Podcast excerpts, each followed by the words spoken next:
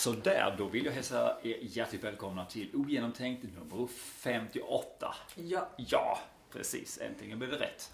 Nej, ja, grejen var det att, att jag hade tänkt för ett visst ämne för dagen. Eh, och sen så när jag läste igenom det, för jag skrev ju ganska mycket under, under december, så tänkte jag jag har nu någonting kvar där. Men det visade sig att det har jag redan tagit. Eh, så då, då, då, ja, då hade jag redan varit inne på sidan och kollat av det så att då vet jag att förra var 57, alltså är detta 58. Ja, stämmer. Yes, yes. Mm. Så välkomna till Ogenomtänkt med Tanja Arod och Niklas Agnesmed. Ja. Mm. Mhm. Några av er kanske precis har lyssnat på vårt fikabonusprogram. Ja, precis. Väldigt trevligt. Ja. Eh, Jag tänkte jag fortsätter lite grann eh, Mm. där just med mina tankar om eh,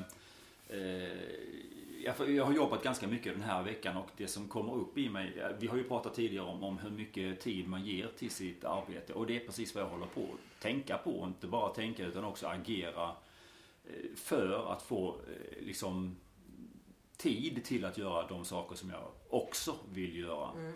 Eh, För det tar ju sin tid och framförallt energi. Så här i början när jag håller på att lära mig en massa saker så tar det väldigt mycket energi. Samtidigt så känner jag också att det ger energi av att hålla på med mina egna saker. Så jag har funderat på om man inte skulle börja med någon sån här intermittent dieting eller vad det kan heta för någonting. Man käkar en gång om dagen helt enkelt. Okej. För att när Det här var jag... jag inte alls beredd på att det skulle komma. Nej, okej. Du såg det inte komma. Eh, Nej, för att... eh, För jag tänker liksom att som är det, när- inom omsorgen då ingår så att säga lunchen eller mm, det, matrasterna så att säga. Det ingår, man får betalt under den tiden. För man tar och äter när man har tid, när det passar. Mm. Så man får alltid anpassa sig. Och sen så då inom mät eller bygg då snarare så ingår ju inte det utan det är ju en lunch eller frukosten ja då är det en halvtimme som går bort där och, och eh, lunchen ja då är det en halvtimme där också. Mm. Eh, Och vi som är mättekniker då vi kan ibland skita i det och bara jobba på. Och då tänker jag liksom också att ja men det hade ju varit kanon att bara äta en gång om dagen. Eller jag kanske äta någon frukost och sen så äta någon och komma hem på kvällen igen. Mm. För då, då blir, effektiviserar man ju där och då får jag ju per automatik mer tid för mina saker då, med, med skrivande och sånt som jag håller på med. Mm. Mm. Så att det är mycket trixande och, och så här. Sam- Samtidigt så just nu så är jag ju inne i en period där det handlar om att acklimatisera mig helt enkelt. Jag menar, jag vaknar väldigt tidigt, ibland är det fyra och fem och där kring är det ju. Ja men det är där kring ju. Mm. Och sen så iväg och jobba och eh, komma hem. Eh, och då, är det, då har jag börjat med att jag, jag kastar mig i duschen och sen så gör jag det som jag vill göra. Jag håller ju på med spanskan då till exempel. Och försöker få till det. Eh, och då gör jag det först innan jag äter. För sen när jag har ätit då är jag väldigt trött och sen så går jag och lägger mig vid halv åtta, åtta. Mm. Så att det blir liksom inga, det blir inte så mycket tid över. Så att det är Mm. någonting som jag jobbar mycket på. Liksom, att hinna med det här. Eh, och att, att jag har liksom en bra energi till allting. Så det är det jag håller på med. Eh, Ja, För det där tycker jag också är intressant som du säger med just att man har bra energi och ork Mm. när man inte jobbar. Ja. För jag tycker ju, jag har ju jag har varit lite extra trött tycker jag de senaste veckorna. Mm. Och jag tycker ju att fördelen som, som jag har nu, jag har ju långt att resa till jobbet. Det tar minst en timme. Ja. Eh, Och nackdelen är att man, det är några byten. Mm. Vilket gör att men det blir lite extra att gå. Ja. Så det är inte så dumt. Eh, Men däremot så blir det svårt att bara sitta ner och koncentrera sig på att läsa eller någonting. För Mm. jag ser ju den här restiden som tid när jag får läsa. Ja. Att det är, och jag märker ju att om jag är ledig till exempel. Då avsätter ju inte jag samma tid för, för läsning. Men jag, när jag har liksom arbetstid, jag har en bok med mig. Eller ett magasin, någonting som jag vill läsa. Mm. Och då tycker jag ju att det är att få minst en halvtimmes läsning på morgonen tycker jag ger väldigt mycket. Ja. Men om jag är trött så orkar jag inte det. Nej. Då, då blir det bara att sitta och lyssna på musik eller podd eller bara Ja. ibland bara titta ut genom fönstret. Liksom. Mm. Eh, vilket inte är att förakta det heller såklart. Men, men jag tycker ju lite definitionen av att det fungerar med jobbet det är ju just att fredag när jag kommer hem då har jag ork att göra någonting. Ja. Men jag, jag var ju förr i tidigare jobb, då var ju det att när jag kom, när jag kom hem fredag eftermiddag då köpte jag hämtmat och sen Mm. åt jag hämtmaten och sen la jag mig på sängen Mm. och jag, hade liksom, jag bodde i en etta då. Mm. Så jag hade tvn framför sängen. Eh, och då låg jag bara där Och dog. och slum, ah, slumrade och kollade på TV. Ja. Det, var inte, det var inte omysigt på något sätt. Det var Nej. ganska behagligt. Mm. Men, men jag var ju helt färdig. Mm. Och sen sov jättemycket under helgen. Mm. Det var ju mycket mer när vi pratade förra veckan med just vuxenpoängstestet. Ja. Det här att man, man sover kanske max sex timmar under veckan. Mm. Och så får man sova 9-10 timmar på helgen. Mm. För att man är helt slut. Mm. Det är ju inte roligt. Jag vill inte ha det på det viset. Inte jag heller. För jag, jag känner det då när jag inte... Nu jobbade jag ju natten här så att jag, ja, även här några timmar under lördagen. Mm. Eh, men, men en vanlig, när jag är ledig då fredag, lördag, söndag, då vill jag ju upp tidigt och Mm. komma igång med saker och ting. Mm. Eh, och förra helgen var det faktiskt, för då höll jag ju på att flytta en massa saker. Så då, då började jag ju då med, med tvättstugan klockan sju Mm. till tio. Och sen skulle jag flytta en massa saker. Jag skulle till tippen som jag då säger med, med en massa grejer och så. Och så skulle jag då flytta upp badkar till vinden och då tänkte jag att nej, men, eh, nu kör jag igång och då ser jag att klockan är ju sju och det bullrar ju mycket för att ta upp Mm. den till vinden. Mm. Så jag fick vänta med det några timmar helt enkelt. För grannarna är ju inte igång då ju. Nej. Så att, eh, Ja, jag tycker jag det får tänka lite grann på det. Men just att känna att ha den energin på, på lördag Ja. morgonen, det är otroligt skönt. Och jag är ju...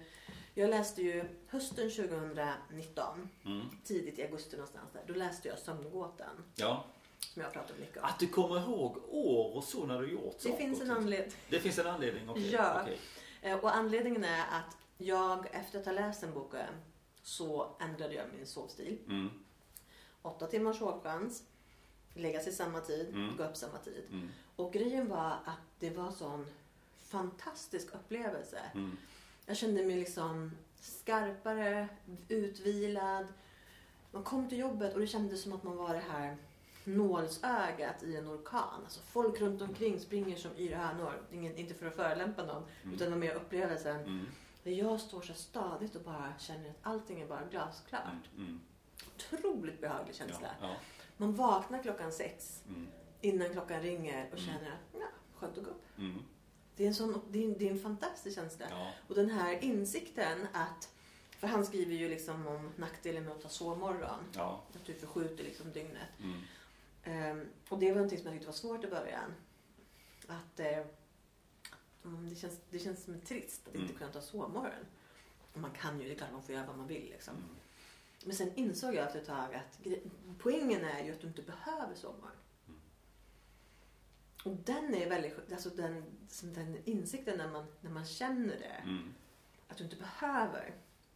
Det är det skönaste som finns. Ja. Alltså det är en Absolut. sån njutning. ja, det är det. Och jag och min sambo, vi går ju och lägger oss liksom, ja, igår var det fredag. Vi gick och la oss liksom strax före tio. Mm. Och sen så, ja det är ungefär samma tid Mm. varje dag. Mm. Det är jätteskönt. Ja. Sen har ju jag senaste året då, och det, det här är ju här som är lite grejen varför jag kommer ihåg det.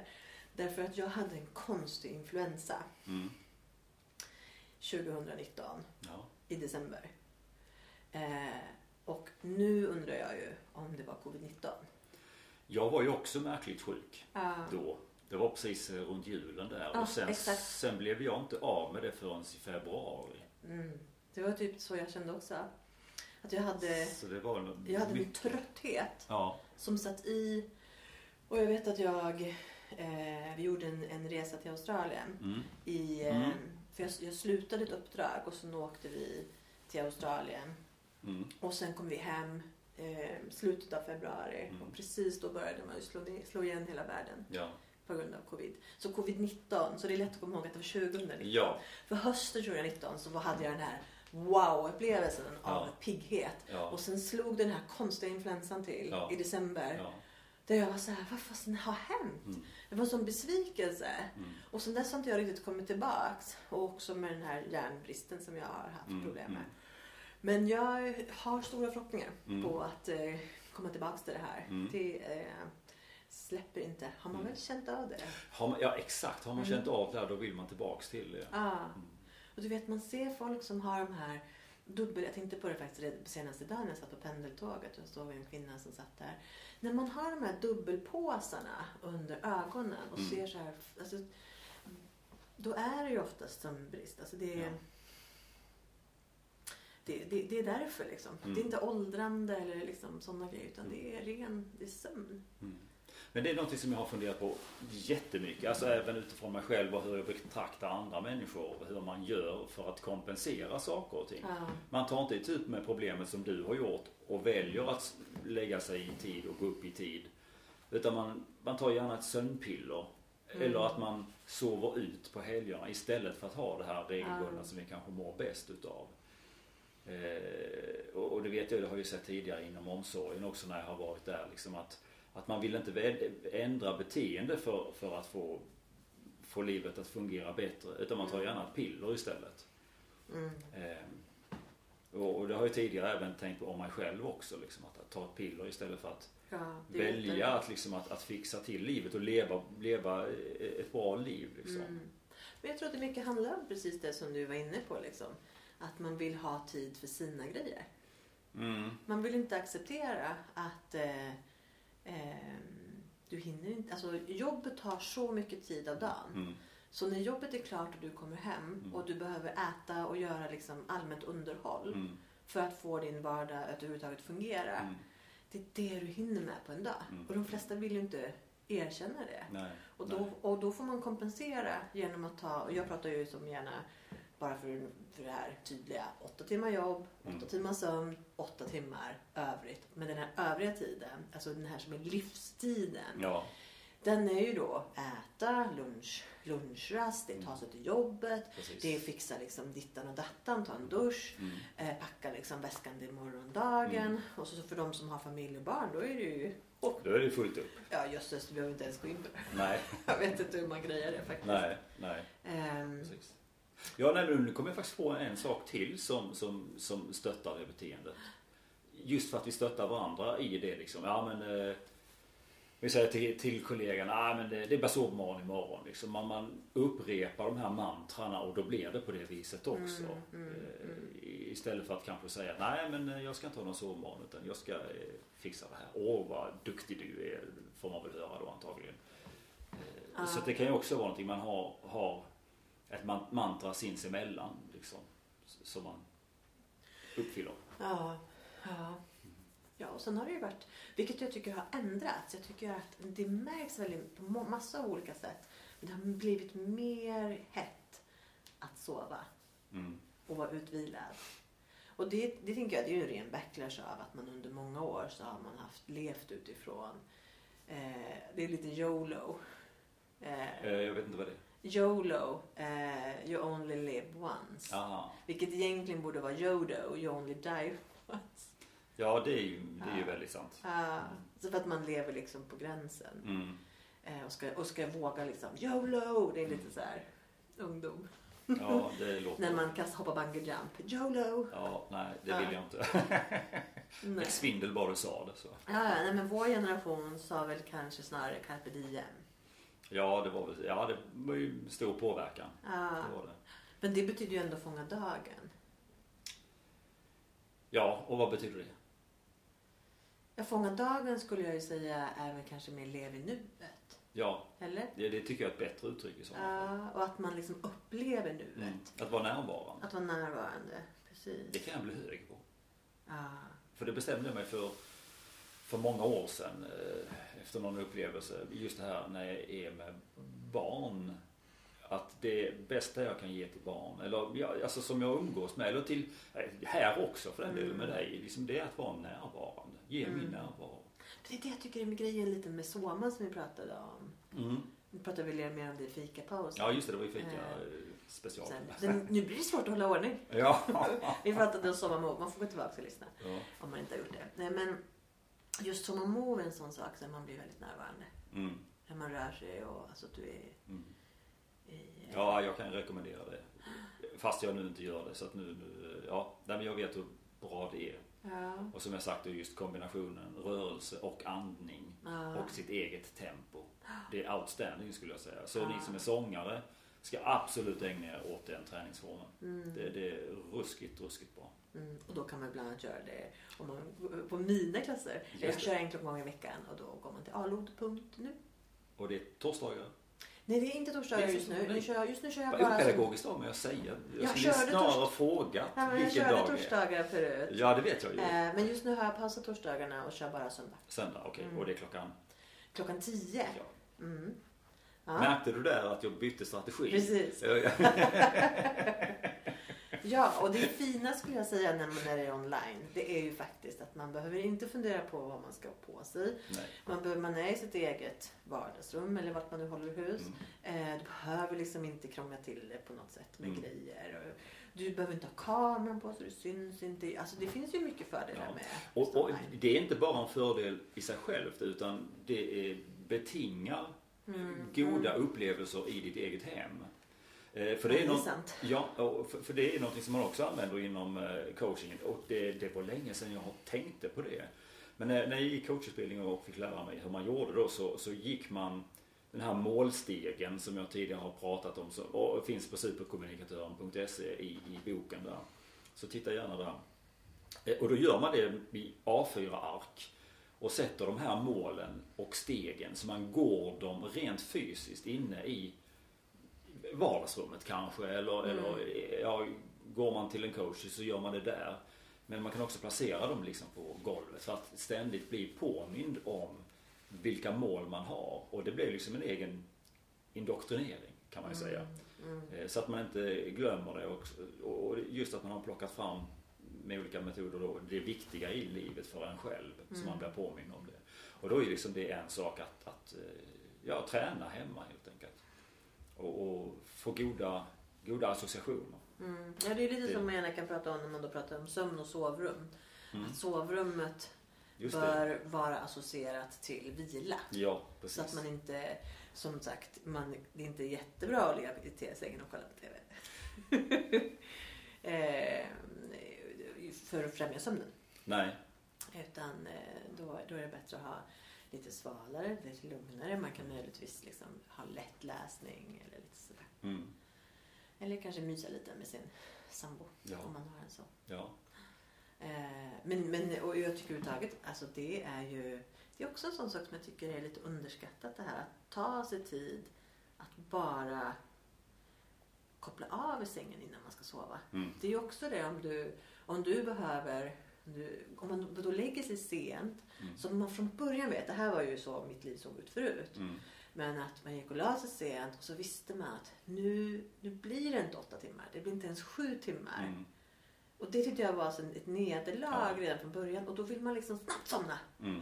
Så att man, så att man får så mycket sömn som möjligt. Ja. Och så vaknar man mitt i natten och blir kissnödig eller någonting. Mm. Och, och då är det stressande för att Ja. man vet att nu blir det ännu mer flera Ja, timmar. men exakt. Eh, exakt. och, och då blir det stressande och det gör att man håller sig vaken. Mm. Och så tänker man, åh gud, och jag ska liksom göra på möten och allt imorgon. Mm.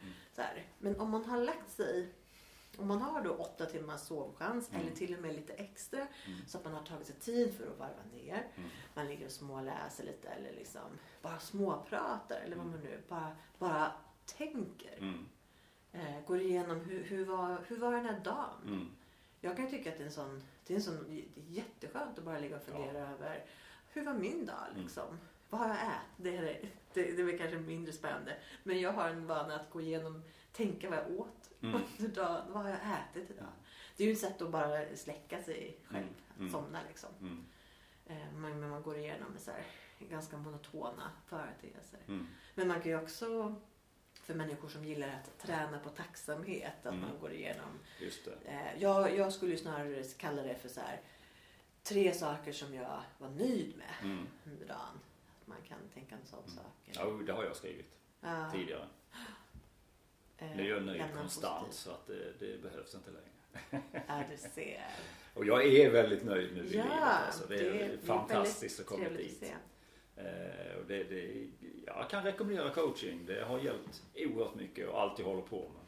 Mm. Så det, det är väl värt att gå in på mina sidor skulle jag säga. Jag tror också att man behöver göra sig plats för liksom. Mm, Jag ja. hade, en, hade ett, en, ett, samtal, eh, ett lunchsamtal med en kollega som, som sjunger i kör. Mm, Och som sa det, för han är ju liksom då snäppet över medelålder. mm, Eh, och han sa det att det var någonting som de diskuterade i kören, att de tyckte det var kul när det kom lite yngre. Men de sa liksom att så fort det kommer någon som är 30 typish, Mm. eh, gärna speciellt när det gäller nya, eh, när tjejer kommer tjejer liksom, Mm. unga kvinnor. kan jag kanske inte kan kalla för en ung kvinna när man är 30, men när det kommer kvinnor i 30-årsåldern Mm. så sa han att det, det dröjer inte särskilt länge förrän de försvinner för att de skaffar barn. Ja. ja. Och så säger man så här, ja jag skulle så gärna vara med men jag hinner ju inte. Mm. För det är så mycket att göra. Mm. Och, då, och så, så här, det är då man behöver det. ja, Det är då man behöver det som allra mest. När Precis. man absolut inte hinner. precis. Och det är ju liksom moment 22. Och då tänker jag också på själva uttrycket att Mm. jag hinner inte. Okej, hur vill du prioritera? Mm. Det är bättre att säga att jag prioriterar inte eller att jag Ja. prioriterar det här istället. Det, det tycker jag är en, en öppning för en själv. Liksom, Ja, att veta att det är faktiskt jag som äger möjligheten till att välja. Ja. Så det är en viktig formulering. Ingår i coaching och det också. Hur Ja. uttrycker man? Hur sätter man stopp för sig själv? Ja. Och det, det är ju liksom just de bitarna. Ja, och jag menar där kan det ju vara en sån sak som jag nu till exempel. Jag, jag upplever ju att jag är lite tröttare än jag brukar. Mm. Jag gillar ju att kunna gå upp klockan sex så att jag är på, på jobbet eh, senast klockan åtta. Gärna liksom redan vid halv åtta. Tycker Mm. jag är ju skönt. Och kunna komma igång. Mm. Eh, så att jag kan gå från jobbet före klockan fem. Ja. Och ändå ha tid med en liten lunchpromenad och så. Mm. För det gör också att det inte är så stökigt i trafiken. Det är lite lugnare att sätta sig Alltså det är inte lika mycket chatter. Man sitter, det blir en bättre upplevelse. Mm. Men jag har ju liksom fått kapitulera den senaste veckan, eller senaste veckorna. För att jag är lite för trött för att gå upp. Det funkar inte att gå upp klockan sex. Jag, jag är för trött för det. Ja. Så nu har jag fått lägga till lite och så får jag liksom acceptera att upplevelsen av att ta sig till jobbet blir sämre. Mm. Och jag kan inte åka hem i den tiden jag vill. Jag får stanna lite liksom längre. Vilket är ju inte världens grej. Men, men det i sin tur gör ju naturligtvis att om jag vill göra någonting efter jobbet, ja men Ja, då har det tagit ja. tid därifrån. Precis. Men jag har fått prioritera att sova liksom lite Mm. längre. Mm. Vilket jag inte riktigt gillar. Eh, för att nu måste jag, nu är det ju liksom lite mer då än, än det här. Men, jag kan, jag, men det är också en sån sak att jag har fått acceptera att jag, jag kan inte heller gå och lägga mig tidigare. Det, det funkar inte heller. Eh, så att, ja. Men det är ju som sagt att man, man, får, man får se liksom vilka ramar man har Ja. och sen förhålla sig till dem. Mm. Men att jag hinner inte. Och så är det ju. Jag menar den situationen har ju de flesta varit i. Mm. Oavsett om man har barn eller inte. Men det är ju ändå som man säger. Eh, Såvida man inte. Eh, jag menar, det finns ju människor runt om i världen som har uselt betalda jobb. Mm. Och för att överhuvudtaget kunna överleva Mm. så måste man jobba två eller tre pass per dag. Mm. Eh, för att liksom försörja sig själv Mm. och kanske även sin familj. Mm. Och, och då kan man prata om att man inte hinner. Mm. Men, men inte kanske i vår del av världen eh, om man har ett jobb som är, som är rimligt betalt. Nej.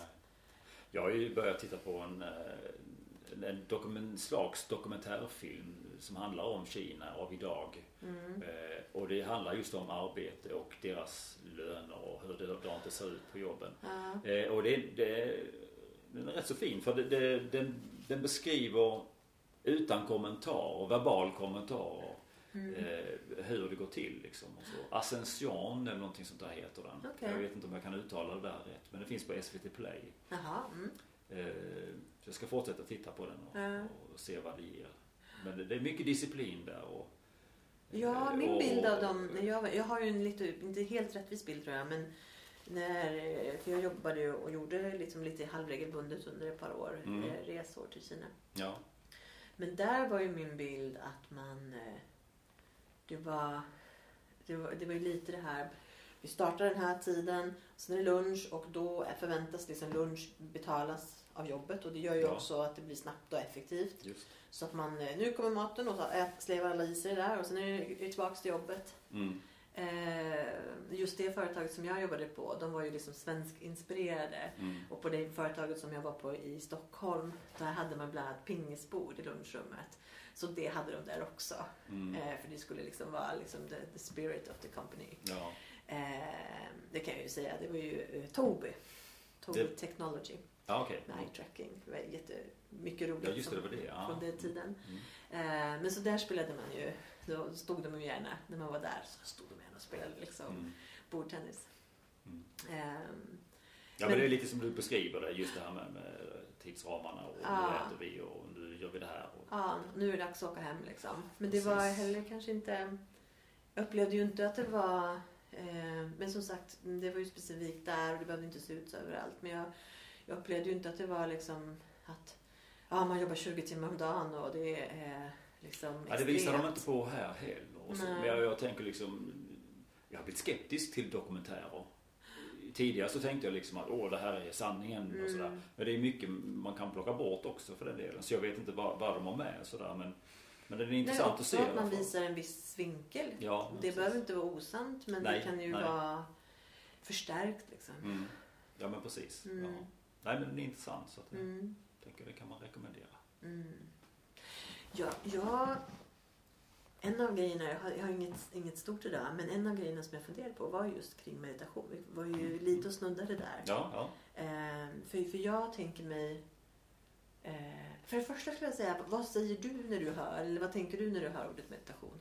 Och som du sa att du också håller på lite med det. Ja men det gör jag ju. Eh, Jag har skapat flera meditationsövningar utifrån, och jag har pratat om det tidigare Ja, men lite grann. Men vi har Ja, bara varit på ytan tror jag. Vi kan pratat. kanske varit det ja. Ja. Precis. För att jag gör ju så att jag, ju, jag hittar på en massa saker. Och, och, och funkar det så är det ju kanon och gör det inte det då skiter jag i det. Ja. Eh, Men jag har ju varit på en himla massa kurser och sen har jag hållit på med NLP. Framförallt då som hjälper till i de lägena. Eh, Och det, NLP det är väl ett annat sätt att, att förklara typ meditationer på.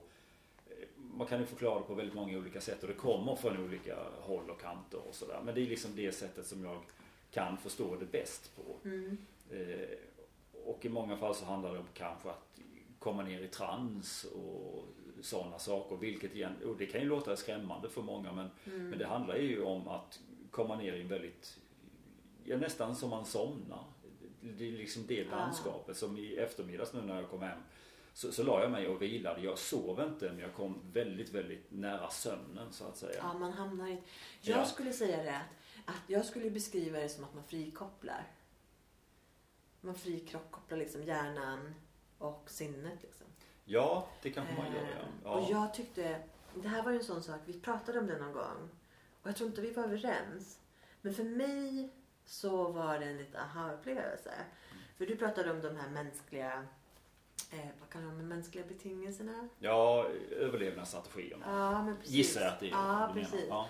Och att eh, en av dem är att vi är alltid riktade. ja, just det. Och, och, och jag drog en sån, eh, så här, aha. Så det som händer när man mediterar, det är att man tar bort riktningen. Eh, att riktningen, alltså när man, när man uppnår då vad man kan då kalla för trans om man Mm. vill använda det som Ja, ja, det, att man kommer kalla in det där. vad, vad, Kalla man vad det vill, man Ja. kan kalla det liksom Maja. Ja, men precis. Ja, men Erika, exakt. liksom. Ja, men precis. När man uppnår Erika-stadiet. Ja, precis. Eh, så, så, så är det som att man har fått bort riktningen. Mm. För mig var det en, en, en väldigt, det, det blev en väldigt tydlig, liksom så här, ja så skulle man kunna beskriva det. Mm.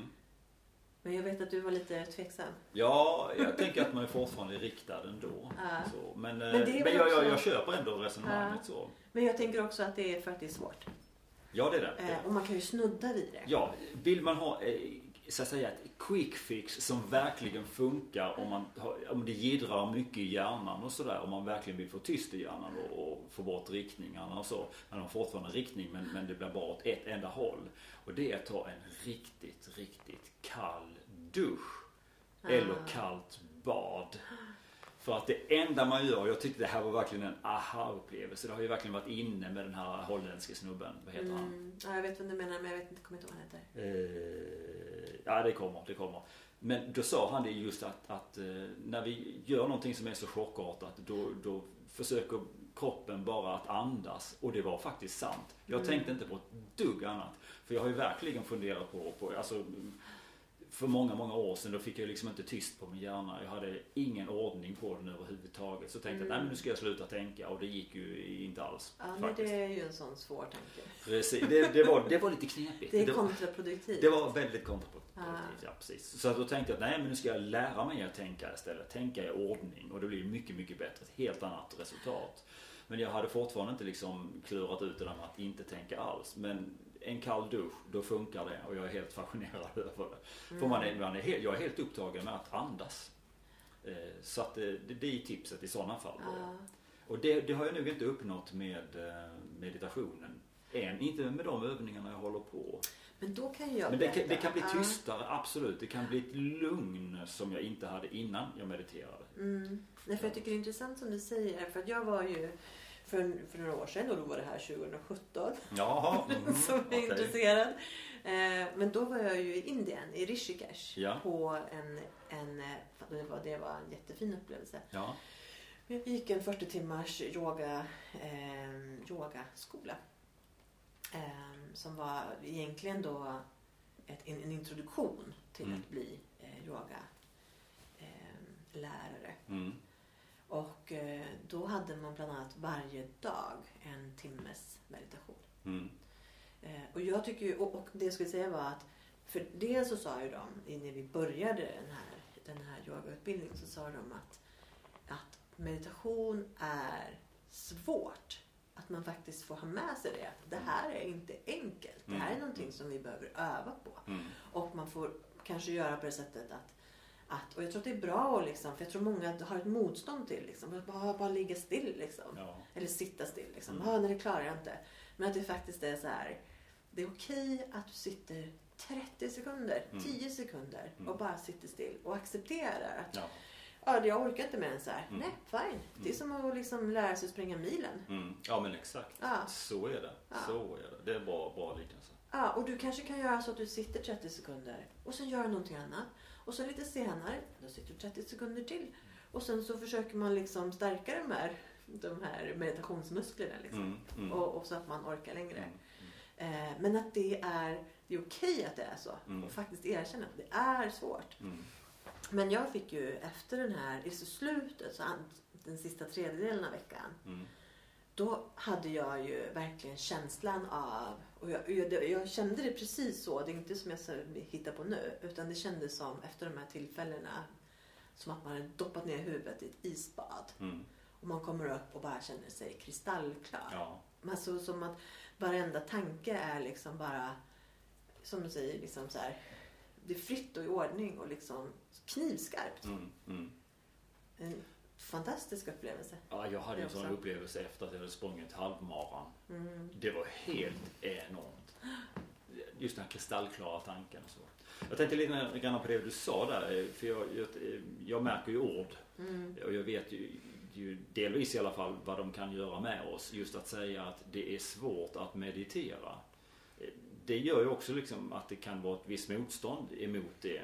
Så jag tänker ju också att man måste se det lätta i det. Om man har klarat 10 sekunder eller 15 sekunder så kan jag också säga att det var lätt att meditera. Så att man känner en lätthet inför det. Så man inte, Annars så kan det bli som en, tänker jag i alla fall, att det blir en, en självuppfyllande profetia. Ja. Genom att säga de här att det är svårt att göra det här. Där tänker jag att det beror lite på vilken ingångsvinkel man har också. Ja, hur man alltså är vi som, har ju Hur alla- man är som person. Ja, precis. För För vi för alla... vissa så kan det nog vara skönt Ja, att känna att det är svårt. Därför, är det, därför kan jag acceptera att Ja. jag tycker att det är svårt. Att Ja. jag upplever det som svårt. Mm. Och sen efteråt kan man väl då säga så här, ah, idag var det lätt. ja. Eh, Eller lättare. lättare. Och det blir lättare och Mindre lättare liksom, om man nu Ja. har gjort det efter ett tag. Så. Ja. Jo, vi har alla olika associationer till de orden, absolut. Eh, så är det. Men jag bara tänkte... eh, Absolut, för jag håller med. Mm. eh, så man inte glömmer bort det liksom. För att vi påverkar oss själva med de tankar vi har. Ah, och det är lätt att ta till gamla tankar om att saker och ting är, svåra. mm. Mm. Ja, ja, och i det läget så kan man ju faktiskt vara, just, just försöka sänka tröskeln. Liksom. Ja. Göra det lätt. Så Ja. här, det här är någonting som jag, när jag har testat det förr så har jag upplevt det som svårt. Mm. Men vad kan jag göra för att jag ska uppleva det som lätt? Mm. Och en sån kan jag, sak kan ju vara då. Dels att man inte behöver ha en massa förutsättningar, vad ska man säga en sån sak? Att man är så här att jo men det måste vara helt tyst. Och Ja, det måste precis. vara eh, precis. en, det måste vara en yogamatta Mm. och jag måste ha de, precis de här kläderna på mig. Ja, eh, och det ska gärna vara liksom lite valsång i bakgrunden. ja, Ehm, och det får absolut inte vara liksom någonting som kan störa. Utan all, alla telefoner och allting måste stängas Mm, av. mm, Och, och när jag väl har gjort det, Mm. ja men då kan, kan jag kanske liksom mm. göra det här. Utan att man faktiskt säger liksom att, oh, nu sitter jag på bussen. Eh, jag tar, jag bara lutar mig tillbaka 30 sekunder. Nu tog du mitt, eh, ja nu har inte jag något att säga.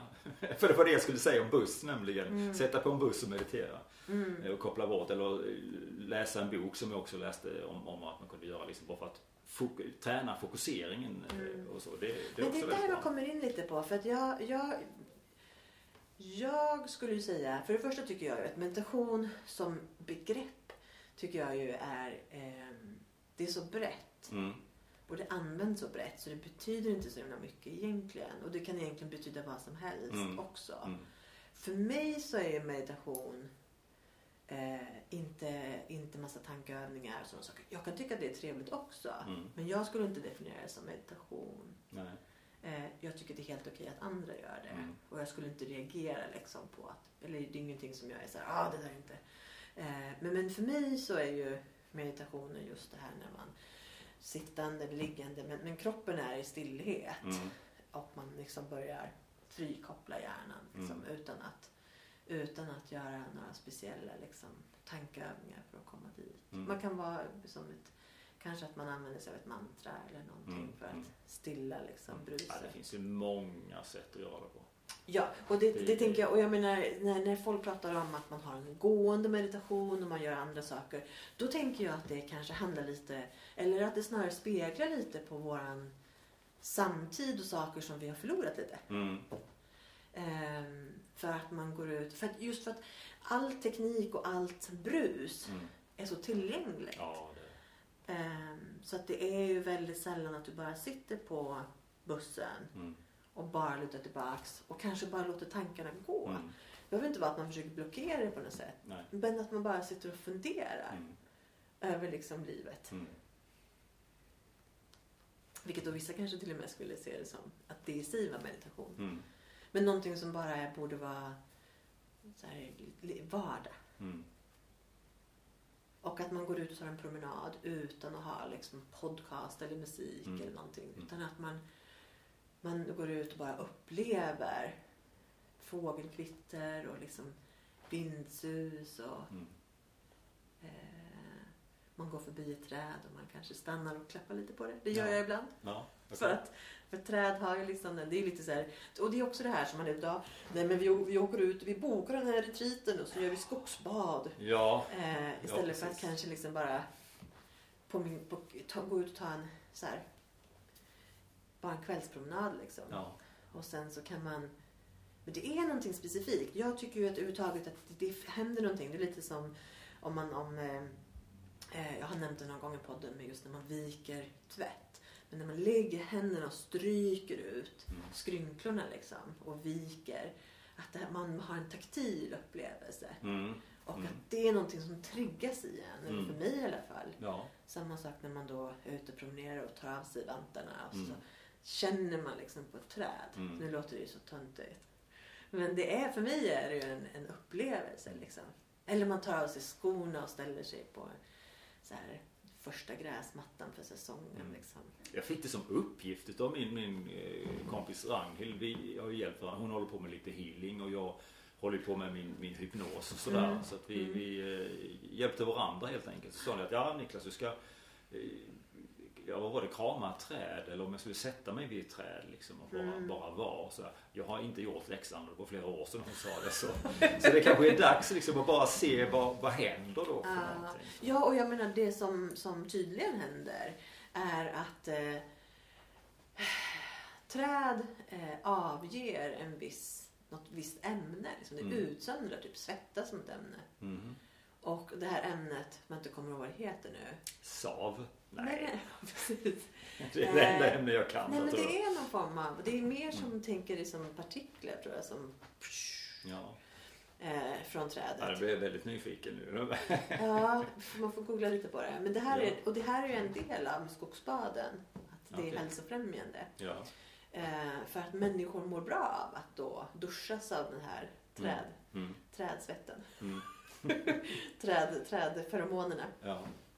Eh, så att man faktiskt det är, det, är en rent, och det här, det här kan jag tycka är intressant ur ett vetenskapligt perspektiv. Mm. Att det är så här, ja, det, det, det är på grund av det här. Mm. Vi vet att vi mår bra det- när man gör det. Man kanske upplever det när man, när man gör. Och sen så är det så här, ja, det här är en, en anledning. Det kanske inte är hela liksom. Utan det är synintryck och liksom Mm. allting. Vi använder ju alla sinnen. Ja, men att det faktiskt är så här, de här, feromon, de här Mm. trädferomonerna, liksom, när vi duschas med dem Mm. eh, så skapar det liksom välgörande.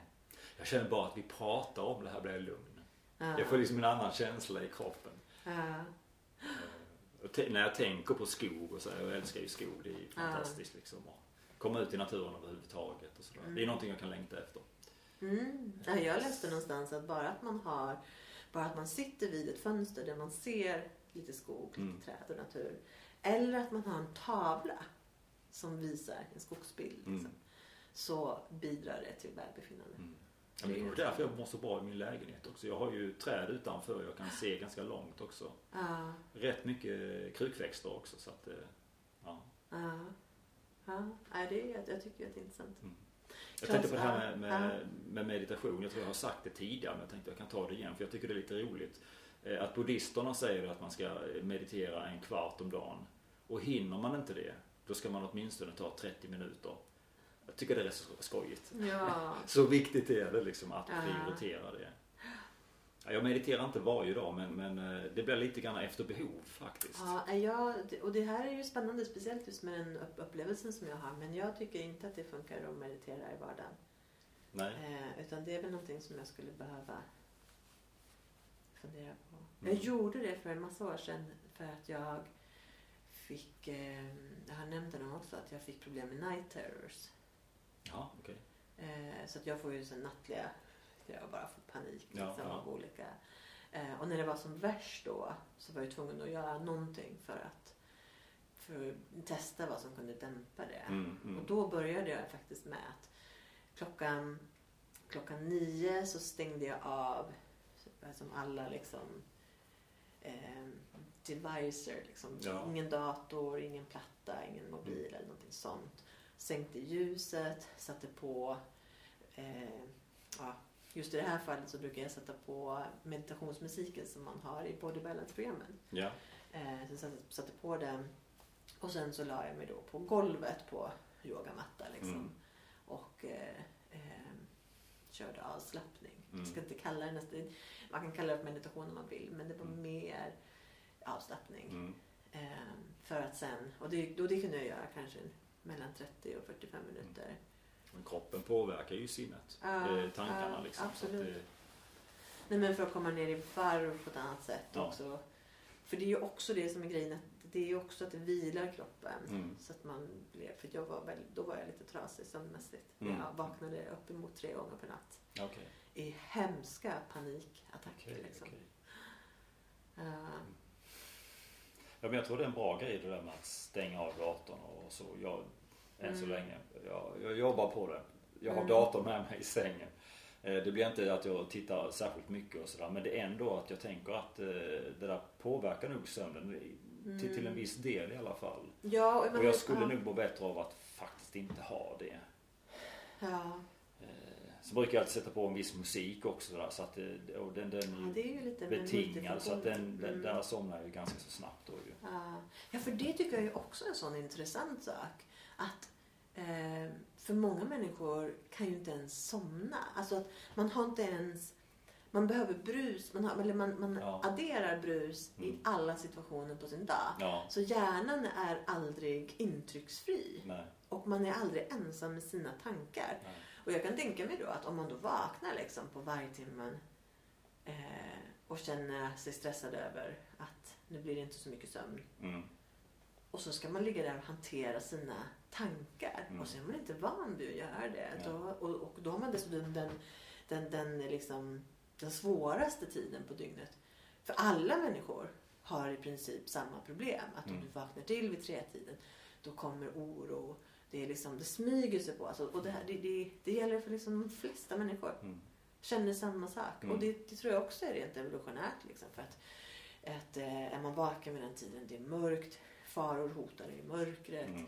Eh, du är liksom lite på tå Mm. eh, på där. Så Mm. Jag tror inte det är orimligt. Ja. Och det kan väl också vara en sån sak som man intalar sig själv att Mm. nu är det rimligt att jag känner oro. Men jag behöver inte göra det. Nej. För det finns liksom ingenting här de här grejerna som, som poppar upp nu, det kan inte jag göra någonting åt nu då utan det får jag hantera imorgon. Mm.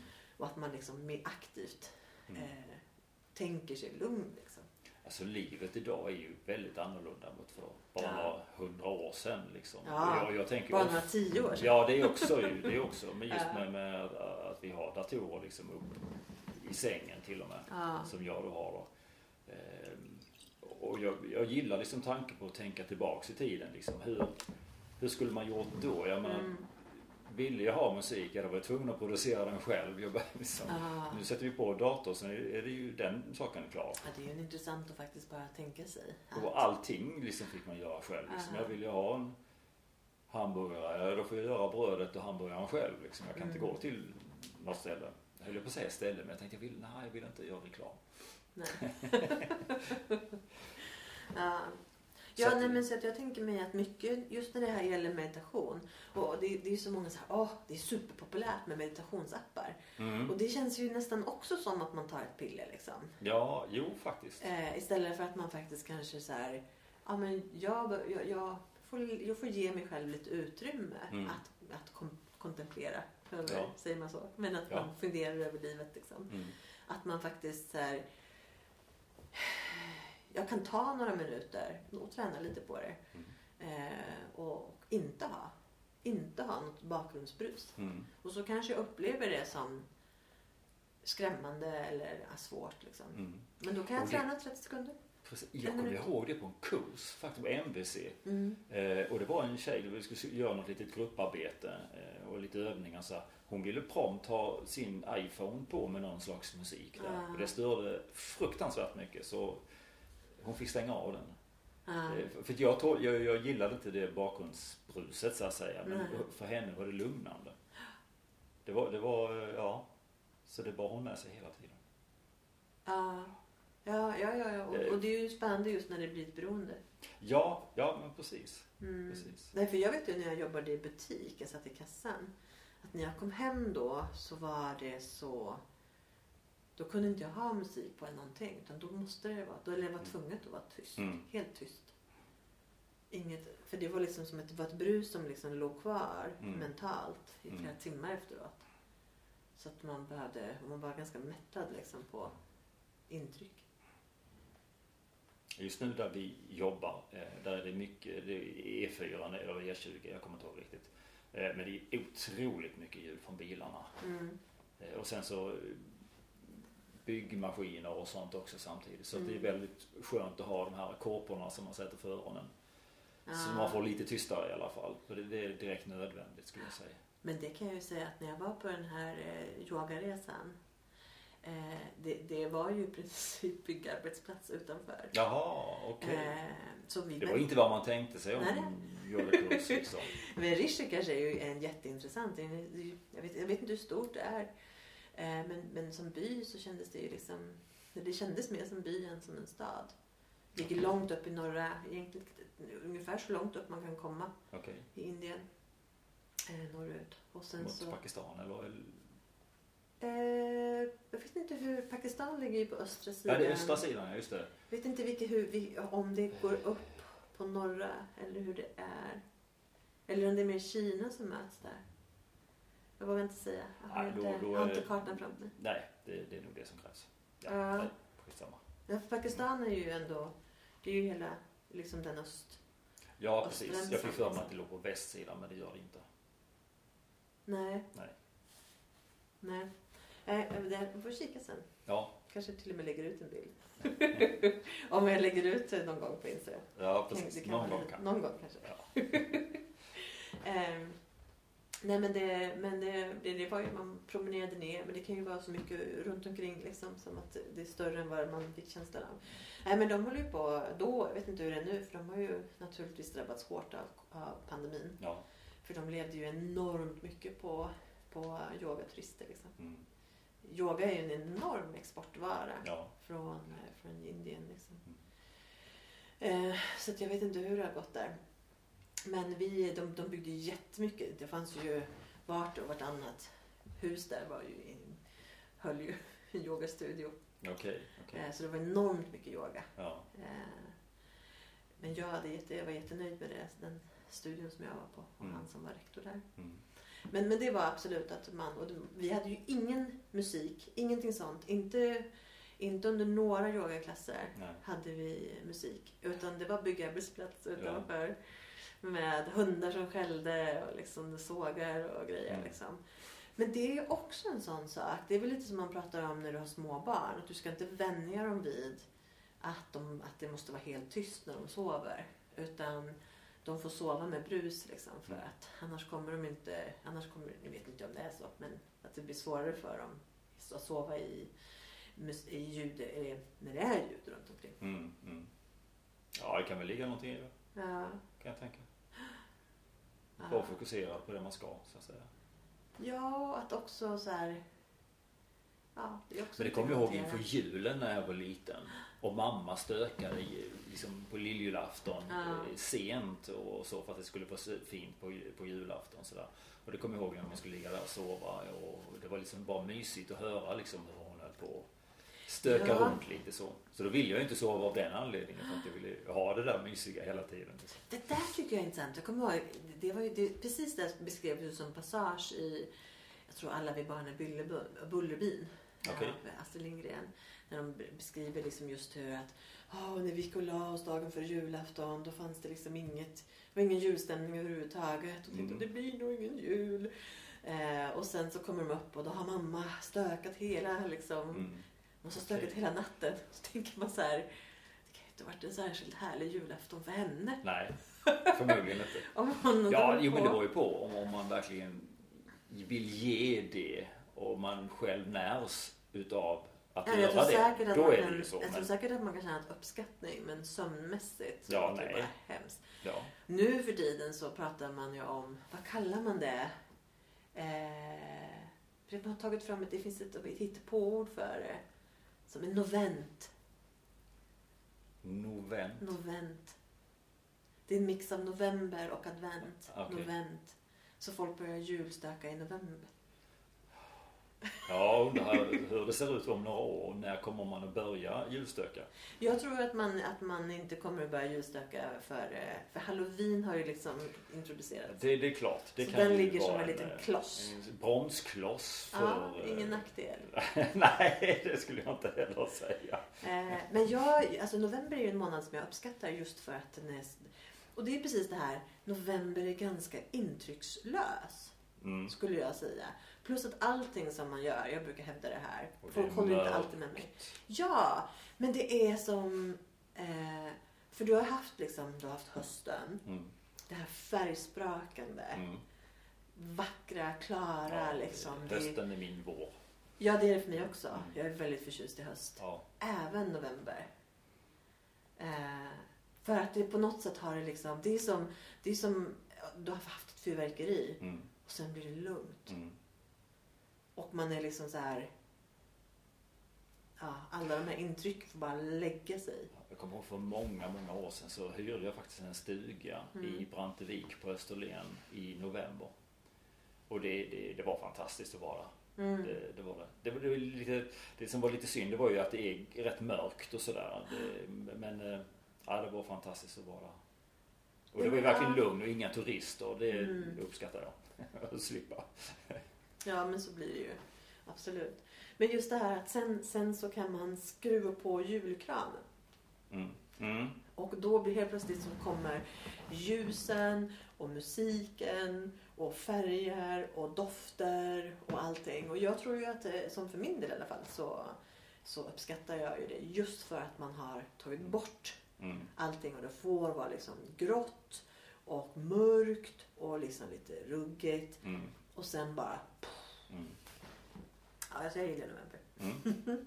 Plus att allting hamnar, allt som jag gör hamnar på plus. Det är så här, ah, jag var ute och köpte några julklappar.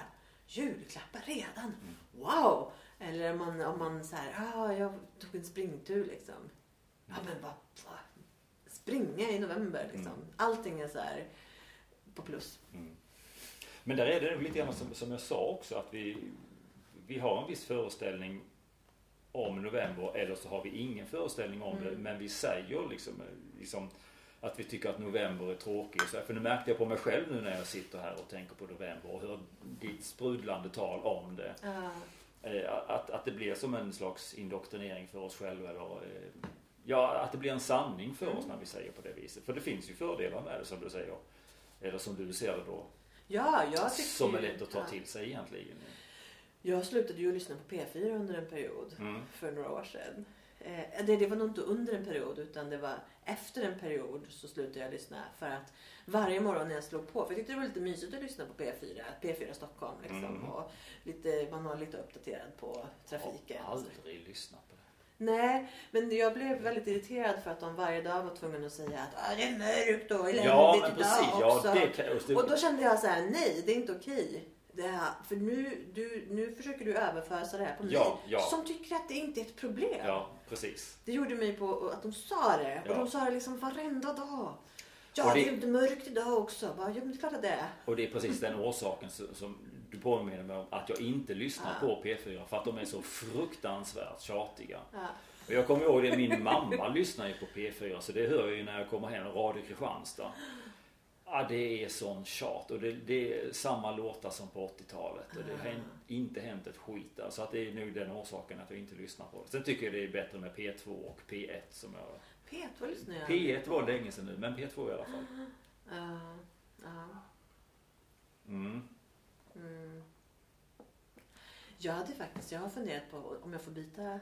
Ja, jo, det går bra. ja. Ja, alltså mitt ämne försvann ju lite. Jag har lite grann som jag kan ta av. Men, men ja, Men jag har ju någonting som har hänt under veckan. Jag vet inte, eller egentligen, det har pratats lite om det under veckan. Mhm, Och det hände förra helgen då. mhm. Och det så det är väldigt aktuellt och väldigt specifikt. Okej, jag kan inte ens gissa faktiskt. Nej, det är ju för att det var Oscarsgalan. Jaha, det... Jag har faktiskt inte kollat upp alls vad det är för någonting. Nej. Jag tänkte liksom att äh, det här kommer inte att bidra till mitt liv på något enda sätt. Har jag trott i alla fall. Så då får jag väl höra Tänk det här nu. om, tänk Tänk om om. det gör det. Ja, ja, ja. Nej, då men- får jag väl veta det nu då. Nej, men jag tycker att det är intressant för att jag tycker att det, det, det triggar så det triggar så himla mycket tankar hos mig. Ja, okej. eh, det här. Och det jag pratar om det är ju då att under livesändning Oscarsgalan så drar Chris Rock som då är eh, eh, programvärd. Mm, Han drar ett skämt. mm, Och han börjar med, alltså utgångspunkten är att han säger att ja men det finns ju ett par här ikväll där båda, både man och fru är, är nominerade till Oscar. Och tänk om, tänk om han vinner, men hon, så, åh, så vinner inte hon. Och då, hur blir det då liksom? Mm. Ungefär. mm. Eh, och sen så gjorde han ju en övergång. Där han säger att ja, sen är ju Will Smith, han är ju också nominerad till Best Actor. Eh, Okej. och hans fru. Mm. Eh, Jaha, så han syftade inte på dem från början? eh, nej, det första var inte dem. Nej, Utan, okej. utan det första var ju någonting annat. Och så gjorde han en liten brygga över Ja, till dem. okej, okej. Där han säger att ja, Will Smith, Mm. han är ju nominerad till Best Actor. Mm. Eh, och eh, ja, men då, jag ser ju fram emot att få se G.I. Jane 2 med Jada eh, Smith Pinkett. Mm. Eller Pinkett Smith. Jag kommer inte ihåg vilken ordning hon säger efternamnen. Och eh, syftar då liksom på hennes korta hår. Mm. Ehm, och eh, Will Smith reser sig och knatar fram och ger honom en örfil. Så han är inte uppbjuden på scen? Nej, Utan han, okej. utan han sitter ju i publiken. Och de sitter väl ganska långt fram. Mm. Eh, och den här komikern drar då ett skämt om hans fru. Och hon, ja, hon, hon uppskattar väl inte det skämtet. Mm. Och Will Smith reser sig, knatar fram och, och örfilar den här komikern. Mm. Och går och sätter sig igen. Och sen, och alla blir väl jätteförvånade. Så här, vad var det som hände? Var det här ett skämt? Alltså var det här planerat liksom? Mm. Det var, Ja, det är väldigt udda beteende i ett sånt Ja. sammanhang. Verkligen. ja, men när han Bryter ju sätter alla, sig. alla etikettsregler liksom. som Och, och lagar också. ja, man ja, inte, det kanske man också gör. ja, man får inte slå människor. ju Nej, det kanske man inte får. Det, det är misshandel. det men, kanske men, borde varit det första jag tänkte på, men det var det inte. men han sätter sig ner och, och börjar skrika åt programledaren. Med, skrika svordomar liksom, Mm. om att han inte får. Du ska inte liksom, använda min frus namn. Eh, du ska inte prata om min fru och sådär. Och, och det är verkligen det är hotfullt. Mm. O, otrevligt. Eh, och, det- och sen eh, några minuter, alltså inte alls länge efter. För som sagt, han var ju då Oscarsnominerad. Mm. Och vinner också. Han var ju förhandstippad eh, Mm. till att ta hem det där. Men kommer då upp på scenen och håller ett tacktal liksom. Och då är han ju liksom upp, märkbart upprörd. Alltså han, han gråter, liksom det kommer tårar och han ber om ursäkt till akademin och till liksom kollegor. Inte till mannen som han precis Nej, hade örfilat. Eh, och efter det här nu så har har det här pratats och vänts och vridits lite från olika håll Mm. Mm. Under veckan. Och jag tycker ju att det är så många liksom. Det är så mycket att peta på i det här. Mm. Mm. Eh, och jag tänkte dra några saker i det. För dels så har ju Oscarsgalan den har ju tappat mark på många sätt. Alltså Oscarsgalan har ju varit liksom det stora, stora på ett sätt. Ja, Galornas gala. Ja. Eh, och, och någonting som man, jag vet att jag har kollat på, man kunde inte kolla så sent, det gick ju liksom inte för det Nej. blir ju oftast mitt i natten. Men Ja. man då kollade lite grann eller kollade efter och tyckte att det var, det är kläderna och det är de här skådisarna och Mm. de här filmerna som liksom tar hem alla. De senaste åren så har det varit mycket kontroverser. Man har pratat om, man pratade om för några år sedan med hashtag Oscar so white. Där, där färgade har, har kritiserat för att det är så många vita som, det är nästan inga färgade som då utnämns eller som får priser. Mm. Alltså som vinner liksom. Så det är någonting som man, som man eh, som har uppmärksammats för och man har också, som jag har förstått det, så har man ju ändrat kriterierna så att för att kunna bli Oscarsnominerad så måste du ha folk av, av annan, av olika färg. Det är lite Eh, kvotering. Det är, li- det är enkelt. kvotering. Eh, vilket ju gör att om du till exempel har du till exempel en film som handlar om en person som följer en person, ja, men då, där faller den ut. Mm. Bara av den anledningen. Och gör en kostymdrama som ska vara liksom, alltså så här, ge en äkta bild av hur det såg ut. Mm. Eh, och jag menar, det kan ju vara liksom, det skulle ju rent krasst kunna utspela sig var som helst i världen. Mm. Men eftersom att Oscarsgalan är ju från det liksom, det är ju från den engelskspråkiga världen. Eh, det är ju inte en specifik amerikansk gala utan det är ju liksom de engelskspråkiga nationerna som har, liksom deras, vad man säga, filmförbund. Mm. Så det är ju väldigt, det är USA är ju en komponent men det har ju även Storbritannien och Irland och Australien är en jättestor Ja, det är Eh, det. Ja. och jag, jag vet att när jag bodde i Australien, och, för där har de ju fördelen att Oscarsgalan går ju på dagtid för dem. Mm. Så där kan man ju ha, om man inte jobbar så kan man ju ha galan liksom bara på bakgrunden och titta på det under Mm. dagen. Så Ja. det har ju den fördelen. Mm. Ehm, Men jag vet att när jag bodde där så nämnde man ju att ungefär 20% av alla, vad ska man säga, inte bara skådisar men alla som arbetar i Hollywood är ju australiensare. Mm. Eh, och de flesta av dem är förmodligen vita. Mm. Aboriginer till exempel utgör ju bara, jag tror knappt 2% av den australiensiska befolkningen. Mm. Det är nog betydligt fler som har eh, kanske kinesiskt eller filippinskt eller Mm. ursprung någonstans från i Mm. Asien. Som, eh, så aboriginer är ju verkligen en minoritet. Mm. Eh, och, och som sagt med britter och eh, irländare och så vidare. Så Mm. det finns ju liksom en förklaring även om det naturligtvis inte motiverar allt Mm. Till att det är färger som är färgade. Mm. Afroamerikaner utgör ju inte en enormt stor del av USAs befolkning heller. Jag tror att det ligger runt 15 procent. Mm. Så det är inte heller... Ja. Men, men sen är det ju liksom eh, definitivt en fråga om eh, vad görs det för filmer? Vad handlar de om? Mm. Vilka är det som gör dem? Vad har de för, för, för möjligheter att skapa film? Vad får de för, för, för finansiering? Vilka projekt finansierar? Alltså det är ju inte helt icke-komplext med det. Eh, Och sen bara själva tävlandet i, inom kulturen överhuvudtaget. Ja. Alltså det är ju rätt subjektivt tänker Ja, jag ja. ändå ju. ja. Eh, alltså, Vi har ju Melodifestivalen och, och den typen av, av tävlingar och Mm. priset, böckerna då. då.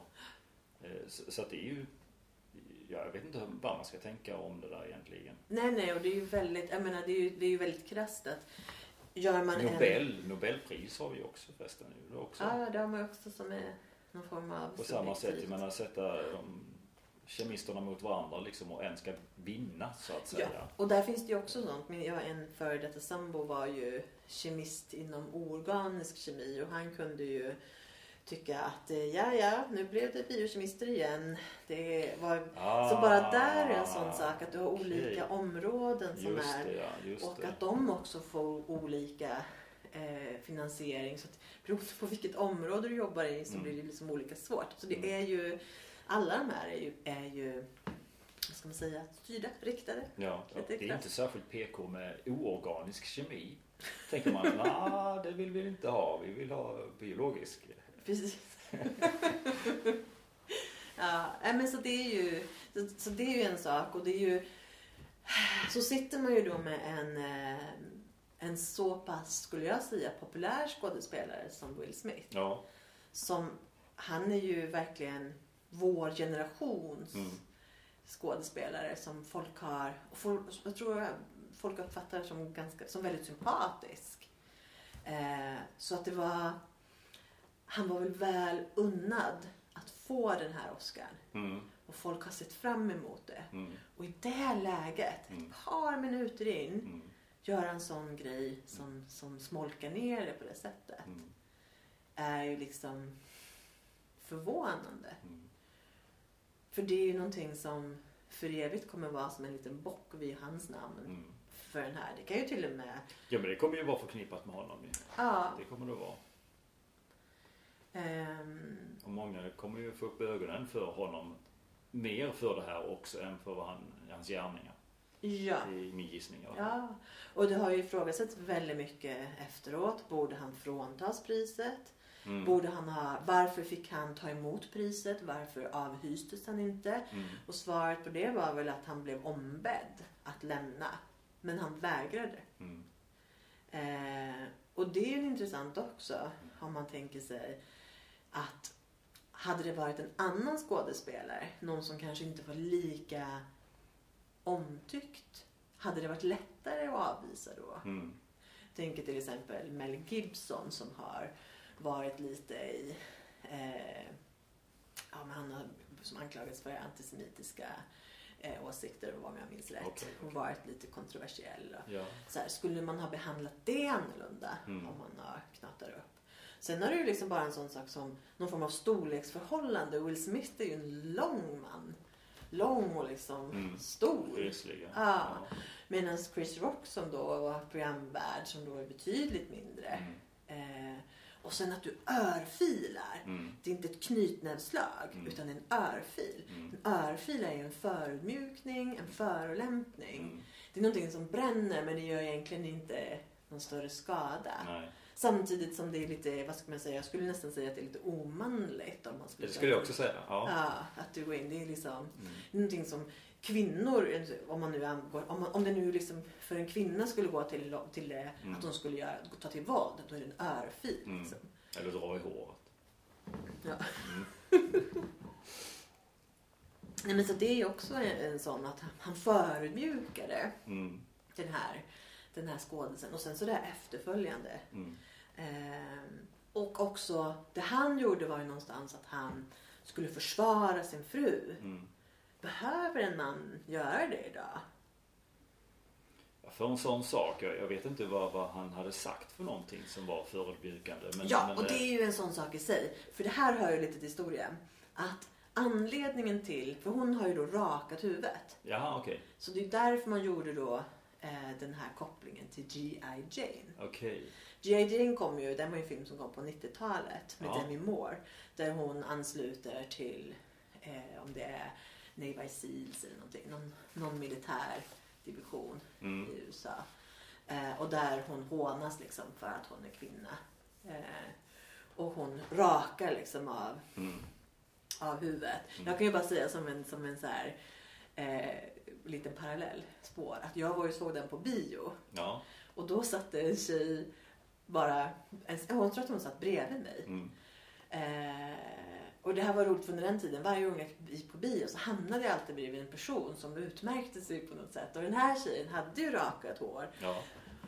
Och hon satt liksom och rakade när, de, när, de, när hon rakade. Wow, här är en god känsla va, när lockarna faller. Ja.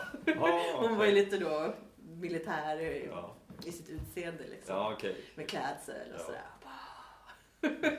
Som en liten parallell. Men, men det här är en sån sak.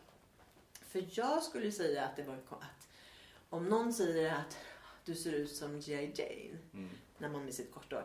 Det skulle inte jag ta som en förolämpning. Utan det är ju någonting att man, för hon var ju otroligt sexig i den, Ja. i den filmen. Mm. Vacker liksom. Eh, så det är ju inte som att du, det är inte så att du jämförs med en, liksom, Mm. någon som är oattraktiv. Nej. Men grejen är att eh, Jada Pinkett Smith har då eh, hon har en sjukdom som heter alopecia, vilket är då fläckvis håravfall. Mm. Så anledningen till att hon har rakat håret Mm. är ju då för att hon har håravfall. Ja, okej. ja. Mm. Ehm, och det finns ju också en del då som då har kommenterat det här med att, att eh, ja, men en svart kvinna och hennes hår liksom, det, är- det är nästan heligt. Och att, ha, att ha säga någonting om det, då är det en sån, alltså, en sån förolämpning liksom, specifikt. Eh, Det skulle jag, inte, jag- skulle jag inte tänkt överhuvudtaget. Nej, den, tänkte, den kan ju inte jag förhålla mig till. Nej, alltså Nyamko Sabuni hon rakade ju håret för många år sedan ju. Ja, det är sant. Och hon ser ju lika snygg ut som mer hår så att det... Japp. Så är det. Och det är ju Jada, smink, eh, Jada också. Ja, men det tänkte jag också liksom. Hon ser helt fantastisk ut. Hon Ja. är drottninglik liksom. I, i- Jag förstår ju liksom att det är ju en sak att raka av håret för att man vill det eller för att det finns en orsak till det med, med, med håravfall då, Ja. sjukdom. Och så, men skämtade han om sjukdomen eller det var håret bara? Alltså det var ju ett otroligt, eh, det var ju otroligt milt skämt. Ja. Eh, han skämtade ju absolut inte om sjukdomen. Utan han Nej, sa, för det skulle, han vara gjorde- lite, det skulle vara lite osmakligt tänk- tänker jag. Ja, han gjorde ju en anspelning. Alltså anspelningen var ju att han sa ju liksom Jada, I love you, G.I. Jane 2, ca- can't wait to see it. Mm. Eh, alltså så här. Anledningen till att du har rakat håret är väl för att du är med, ska vara med i G.I. Jane 2. Mm, mm. Eh, det fanns ju liksom inte så mycket förolämpande i det. Nej. Eh, mer än att någon säger, vilket man väl kan tycka då är lite trött. Om någon säger så här. Ja, du har rakat håret. Bara, ja. Japp. Ja, så var det konstaterat. Ja, och det var också konstaterat inför alla. Mm. Så det, ja. Men, Ja. men, men, Nej, men då är det väl en, en tolkning som eh, Will har gjort helt enkelt. ja. Eh, Vävt in någonting mer som kanske inte fanns där från början. Eller också känt sig, ehm, känt sig manad. Mm, Att nu måste, nu ska, måste jag försvara liksom. mm, Det är ju, för det är ju en sån aspekt. Känner han själv att han behövde? Eller läste han av sin frus reaktion mm, och tyckte att eh, hon vill att jag gör det här? mm, mm. Det går ju inte att svara på eh, utifrån, Mm. utifrån, utifrån den. Men, eh, eh, men då, det, nu ska vi se, jag behövde bara kika lite för jag hade liksom eh, eh, hade en annan. Men jo, det som är, jag satt och lyssnade på någon som kommenterade det här Mm. och som då tyckte att, eh, som kommenterade att, ja men är, är hon narcissist? Mm.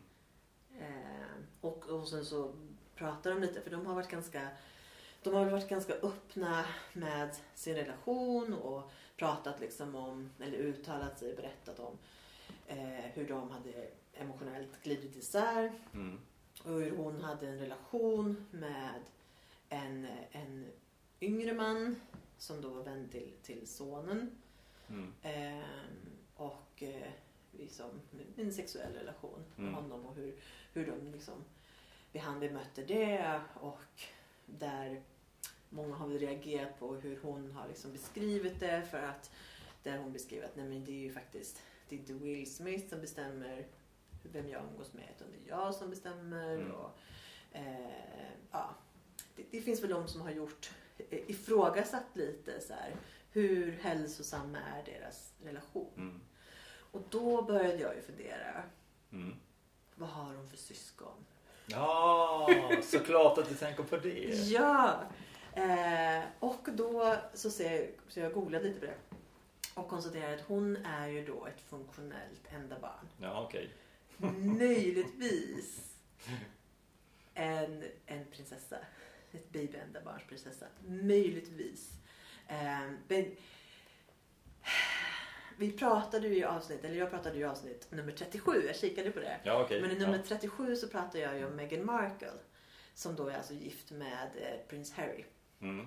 Eh, och pratade lite just om den här specifika positionen med att vara ett enda barn som då är babyenda barn där man då har omhuldats av, av sina föräldrar. I, I Jadas fall så Mm. har ju hon, eh, hen, hon hennes, hennes föräldrar var skilda. Hon växte upp med sin mamma och sin mormor. Som då, så hon har väl fostrats i, liksom, om jag gissar då, i en, i en då ganska kvinnligt dominerad miljö Mm. säkert omhuldad liksom av, av lite olika, då flera generationer. Inte någon stark relation till sin pappa. Hennes pappa fick några år senare eh, ytterligare ett barn med en annan kvinna. Så hon har ju en halvbror. Men de har ju inte vuxit upp tillsammans. Så därför präglas man ju inte på syskon på det sättet. Ehm, men, men där funderar jag på, för lite av, lite av grejen när man är enda barn är ju att man inte trubbas av Mm. eh, på samma sätt som man kan göra om man till exempel har en, ett litet jobbigt lilla syskon. Mm. Och nu säger jag, det här visar jag ju till mig själv. Mm. Eh, som gärna retas och petar och Mm. bråkar. Eh, och man, man, man är så fysiskt loss. Mm. Och man, eh, man, man lär sig att tåla en hel del. Ja. Man kanske inte tycker att det hela... Alltså, jag hade inte reagerat om någon hade kommenterat. Liksom. Jag är väl ganska mycket så här, skinn på näsan Mm. på det sättet. Eh, så jag tror för min del så hade det väl liksom varit en sån här som, enda, som mellanbarn så vill Mm. man ju snarare synas. Mm. Så det hade varit mer förolämpande att inte omnämnas alls. Mm. Att hon nämndes trots att hon i Hollywood en ganska lågmäld. Alltså hon har ju ingen större ställning förutom sin man. Mm. Så hon är ju verksam. Mm. Men, men inte, hon är också skådis och Mm. har programledare. Hon, hon är ju absolut verksam. Mm. Men inte i närheten av liksom sin man. Nej, nej. Så att hon, att hon blir omnämnd skulle ju då någon annan kanske tyckt att japp, jag fick lite liksom. Och hon skulle dessutom ha kunnat utnyttja, för jag tänker att någonting positivt är ju för alla människor som lider, alla kvinnor som lider av fläckvis håravfall. Mm. Nu vet folk lite mer om den, om den eh, sjukdomen. Liksom. Mm. Och kanske liksom har så ja, eh, hon skulle kunna använt det. Liksom, sagt Mm. att ja, jag tycker att det är lite tråkigt när man drar liksom, skämt om det. Mm. Eh, men jag tänker att när man skämtar med en, en, en babyändabarnsprinsessa, Mm. Då tar de det inte bra. Nej. Jag tror inte, och jag tänker mig att eh, och babyändabarnsprinsessor vill kanske också bli, de vill ha någon som är där och, och rycker ut och försvarar. Mm. Eh, nu bara jag spekulerar jag naturligtvis Ja, ja, bara. Och man ja. kan absolut gå in och läsa Elisabeth Schönbecks bok eller gå in och lyssna på, i, på, på ljudbok. Eh, men, men jag tänker mig att, eh, att det kan ha varit en, en, har spelat in där Mm. med hennes, hennes, hennes roll i, det. Och Mm. eh, en, en del i, och det, det tror jag är ju en sån sak som, en anledning till att läsa den här boken, det är väl just så här att kunna förhålla sig på ett bra sätt Mm. till en person som man älskar men som kanske liksom har vissa drag som är svåra att hantera. Mm. Och ja, men jag har ju erfarenhet runt omkring just det här när man är enda barn och faktiskt just det här babyenda barnet. Hur krävande det kan vara för omgivningen. Mm. Och det här att om du, om du försöker serva Mm. personen kommer inte bli nöjd. Det kommer Nej. aldrig vara tillräckligt. Mm. Utan ribban skruvas liksom bara upp hela tiden Mm. eh, till någonting som är alldeles orimligt. Och jag tror att det är väl också kanske det man ser när det gäller Harry och, och Meghan. Mm. Att hon skruvar upp det steg för steg för steg. Mm. Eh, vilket gör livet svårare och svårare för Harry. Mm. Det är min, min bild. Ja. Eh, men jag tänker mig att det kan vara en parallell även i då paret eh, Pinkett Smith. Mm. Mm. Att, Men det, det är väl det man, man kallar för narcissism? jag tror att Narcissistiska narcissism, drag. ja, narcissistiska drag, Ja. det tror jag man skulle kunna, eh, skulle kunna kalla Jag tycker jag känner igen det med andra erfarenheter. Ja, ja, jag tror inte att man skulle, för jag tror att narcissismen då är... någonstans att det finns en mer klinisk diagnos. Mm, ja, kanske. Eh, men att man då har, som du säger, med olika drag Mm. av det. Mm. Och jag menar någonstans är inte det Fast så det är egentligen två olika sätt att, att förklara det på kanske. Ja, ja. Så att det här med syskonskaran, det, Ja, det, det gillar det, jag. ja, och jag, Så menar, jag blev lite nostalgisk när du nämnde det med, med syskonskaran. Där, att ja, nu är vi hemma igen. Liksom. Ja. Men jag tänker att det heller inte är så konstigt. Mm. Och jag tänker att det är precis en sån sak som är bra att känna till både som förälder och som partner. Ja, ja. Att, men framförallt som förälder. Mm. Att man faktiskt är så här, om jag nu har ett enda barn. Det här är risken. Mm. Det finns en risk att mitt barn blir en odräglig människa som folk inte tycker är så himla rolig att umgås med. Mm, mm, Och att man faktiskt eh, utsätter dem för då till exempel att de får umgås tajt med sina kusiner eller med andra barn. Så att de kan liksom trubba av lite. mm, Att man eh, eh, att man är med på det själv. Liksom. Att Mm. det till exempel, nej men det, för jag tror att det är lätt när man har ett enda barn. Det blir helt och hållet på deras princip, Mm. eh, premisser. mm, Allting sker. Mm. Du vill ha det på det här sättet. Ja, varför skulle vi göra som vi vill, som är vuxna? Liksom? Det är klart att vi gör som du vill. mm. Hela världen, och det är det jag skulle säga liksom är det mest utmärkande enligt min erfarenhet för ett enda barn. Mm. Det är att de är solen, inte bara i sitt eget universum, utan de är solen i allas universum. Mm, De är den viktigaste personen i allas liv. mm, Eh, och det är otroligt svårt Mm. för omgivningen att hantera Mm. ifall det blir så här.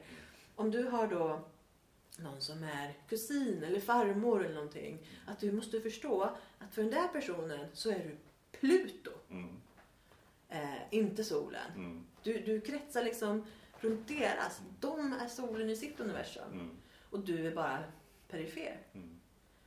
Men så är min bild, så funkar de inte. Mm. Utan det är, jag och min sambo pratade ju en del om det eftersom att han lurade mig och trodde att han var barn nummer två. Men det visade sig att det var ett funktionellt enda barn. Mm. Så vi pratar, nu är han ju ganska, han är inte så, han är inte för lätt att förolämpa. Så vi kan ju prata ganska mycket om det. Mm, han tar till sig en del också där han inser att ja, okej, här ligger det någonting i det liksom. mm, Ehm, men just att man faktiskt eh, ja, men kan ta ett steg tillbaks och se andras behov. ja.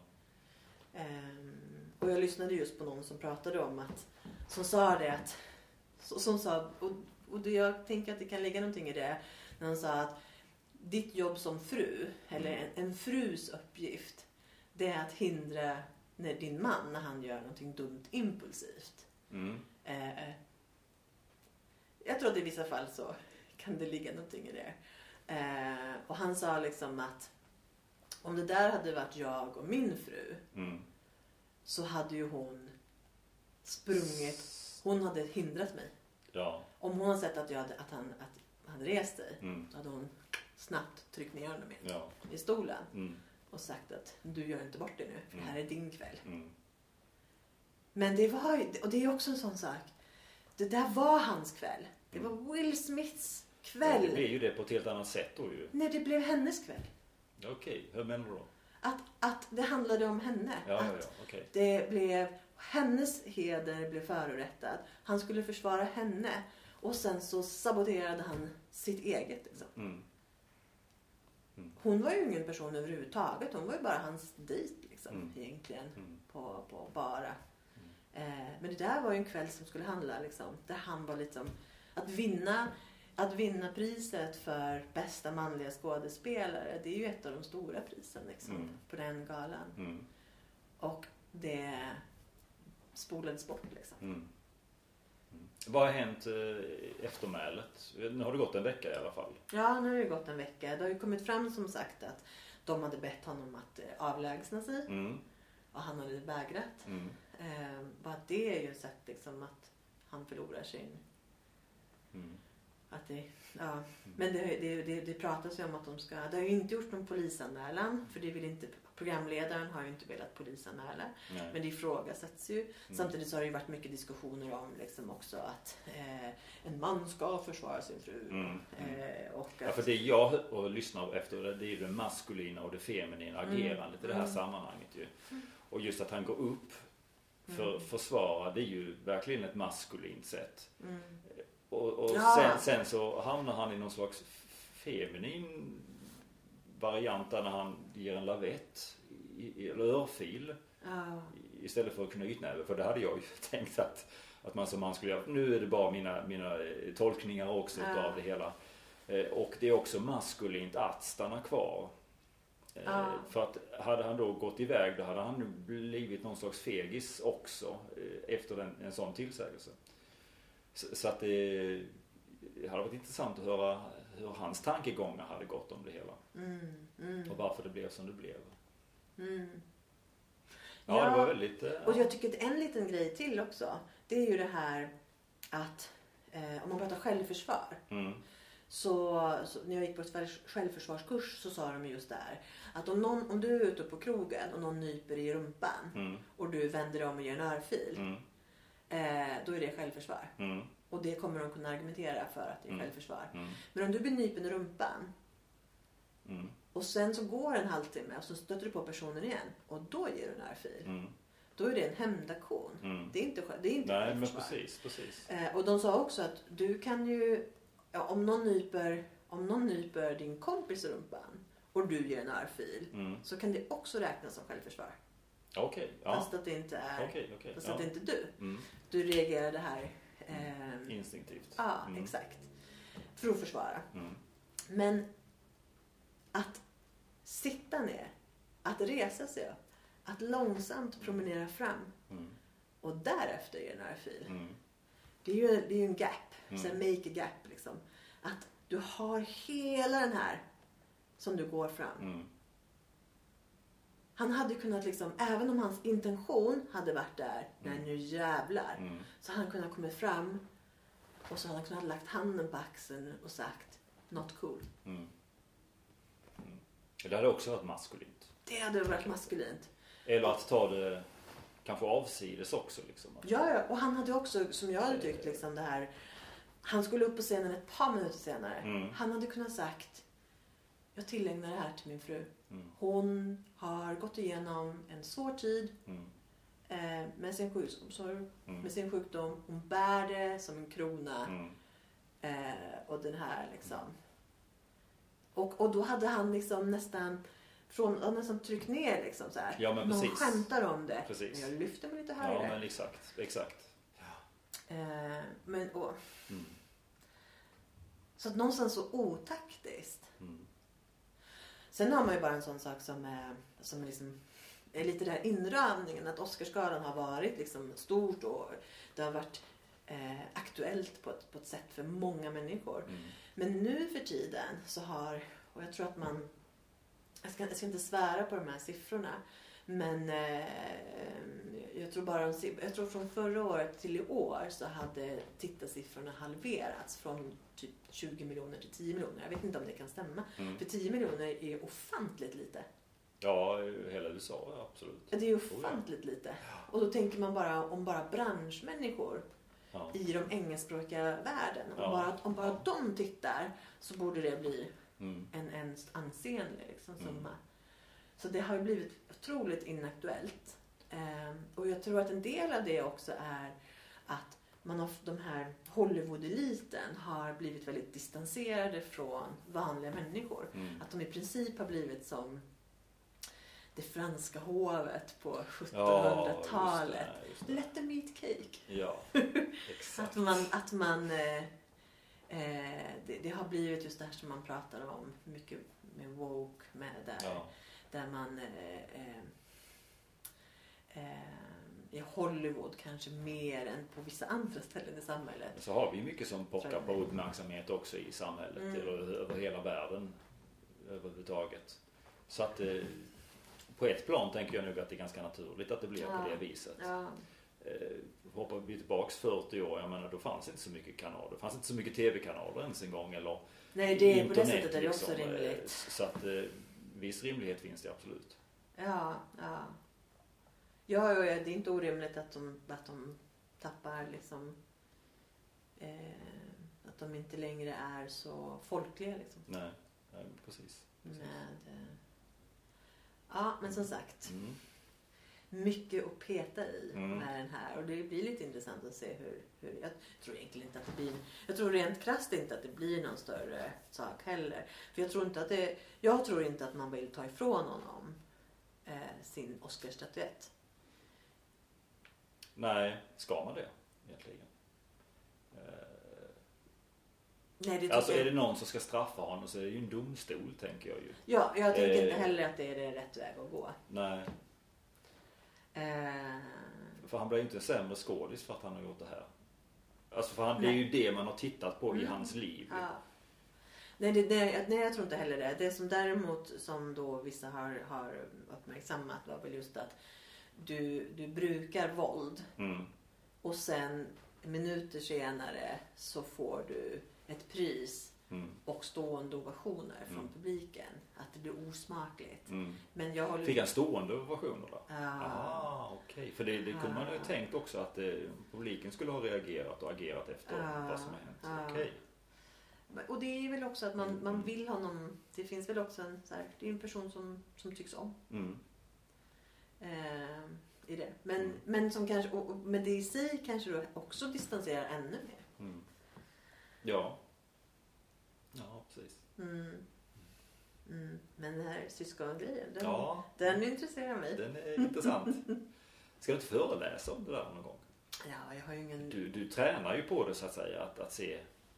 Ja, jag ser det ju nästan överallt. Ja, men precis. Ja, precis. nej, För bara- det är ju inte det första jag tänker på liksom. Så, att, Nej. så det är ju intressant, tycker jag. Ja, jag föreläsa det tror jag inte det skulle vara. För jag har ju ingen, ingen, jag har inget eget liksom i det. Men däremot, men däremot hur man använder det liksom Ja, ja. Och jag tycker ju, jag menar, det var ju roligt. Jag hade en kollega som då fick, han fick två barn på väldigt kort tid. Mm, Och då sa jag att du, den här boken mm, eh, kan nog vara bra att läsa. mm. För det här kommer bli tufft för din äldre, den Mm. äldre sonen. Ja, Eh, för att, för just för att du får då ett klämt barn och sen får du en... När, när det är väldigt kort mellan så blir storebror eh, knuffad av tronen. Liksom.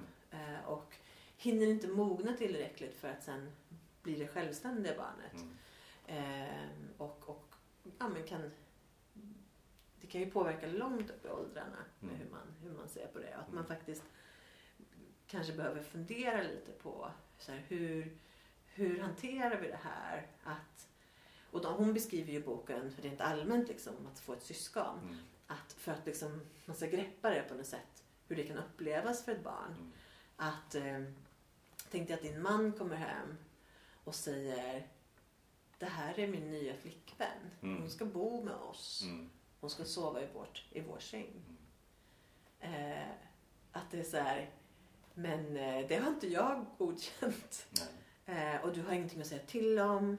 Ehm, ja, det, det är ju inte, för, för syskon kan det ju vara väldigt efterlängtat såklart. Men Ja. då är ju ofta syskonet lite äldre. Mm, Ehm, och då får du en annan relation. Men för Mm. ett barn som är två, tre år så är det ju traumatiskt. Min bror tyckte det var otroligt traumatiskt mm, när jag föddes. Mm. Det har ju, det, jag skulle säga att det har varit en liten kil liksom. mm, Att eh, eh, han gillade inte liksom att mm, bli... Vilket är ju rimligt för de flesta barn är ju då när de är enda barnet. mm. Då får de all uppmärksamhet, Mm. all kärlek, alla presenter. De får liksom den bästa, liksom, största portionen glass och den, den bästa liksom, biten på, på vad det nu kan vara. Jag kan känna igen mig i det. Ja, Eh, Absolut, för Ja. jag känner mig övergiven.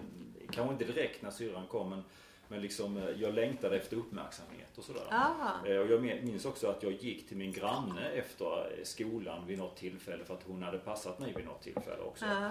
Och då hade jag gått dit där och, och, sagt det, nej men ni skulle passa mig då. Nej, det har inte, det har inte din mamma sagt någonting om och sådär. Mm. Men jag blev inbjuden ändå liksom om omhändertagen och sådär. Men så sa min, ma- eller min mamma skällde ut mig att jag hade gått in där överhuvudtaget. För hon hade inte heller sagt någonting. Jag hade inte sagt det att jag Nej. skulle dit där. Men, men jag gissar att det var någon slags en oerhört stark längtan för mig. På Att, nummer ett. ja, att få, få bli omhändertagen. Och sådär. Ja. Så att det, Ja, det, det har ja. varit en stor grej. Eh, Eller det var en stor grej. Så. Ja, och jag tror definitivt att det är, det, det är, inte, det är inte orimligt. Det är ju Nej. logiskt om man liksom ser det från Mm. det här. Och, och det är någon som så här, jaha, där, där är sängen som jag har sovit i. Mm. sover det någon ny där? Mm, mm, Ja, men du har fått en ny säng. Mm. Ja, men så kanske man inte riktigt. Utan ja, den har mina kläder, Mm. den har liksom tagit plats. Mm. Den ligger i min mammas famn. mm, Eh, det finns inte plats för mig nu. Mm. Alltså det är jobbigt liksom. mm, mm. Men för ett enda barn Mm. så förlorar man ju aldrig det. Nej, det gör man inte. Eh, och dessutom så är man ju så här, ja men du är ju familjens liksom Mm. ögonsten. Ja, Det är ju, allt sätts på dig liksom. ja men precis. precis. Och det kan ju då slå över Mm. till, ett- till ett annat. Mm. Ja, däremot så har det inte varit någon kil mellan mig och min syster då som kom som nummer två. Det, det är jag glad över. Ja. Så, så att, och, och vi pratar väldigt öppet också i familjen sådär. Så att det, är mycket som är läkt. Eller Mm, mm. allt är läkt. Och är det inte det så gör vi det. Apropå läkt, för det tyckte jag var ytterligare en liten grej som jag tyckte var eh, intressant. Nu måste jag plocka fram, för jag tog en liten skärmdump på det. De Mm. hade i Expressen, eh, jag tror att det var i Expressen, här. Ja, apropå då det jag precis pratade om med, med Will Smith. Mm. Att ehm, efter händelsen skrev Jada Pinkett Smith, det är tydligen så hon, i den ordningen hon har det. Mm. Så skrev hon på Instagram This is a season for healing and I'm here for it. Men eh, översättningen som då Expressen gjorde Mm. var att det är dags för försoning och jag är här för det. Och så hade inte jag översatt det. Nej, hur, hur hade du det? This is a season for healing. Då skulle jag ju säga att ja, det här det är tid att läka. Nu är tid Mm. att läka. Mm. Säsong för att läka. Ja, Healing, det är att läka. ja, Försoning är ju atonement. okej. Mm. Eh, att försonas. Mm. Att, att, det är ju att, eh, att det är väldigt Ja, stor läka skillnad. hon hon det säger healing. Ja. Nu är det tid att läka. Mm. Och de översätter till försonas. Mm. Försonas, då låter det som att man har haft en konflikt. Mm.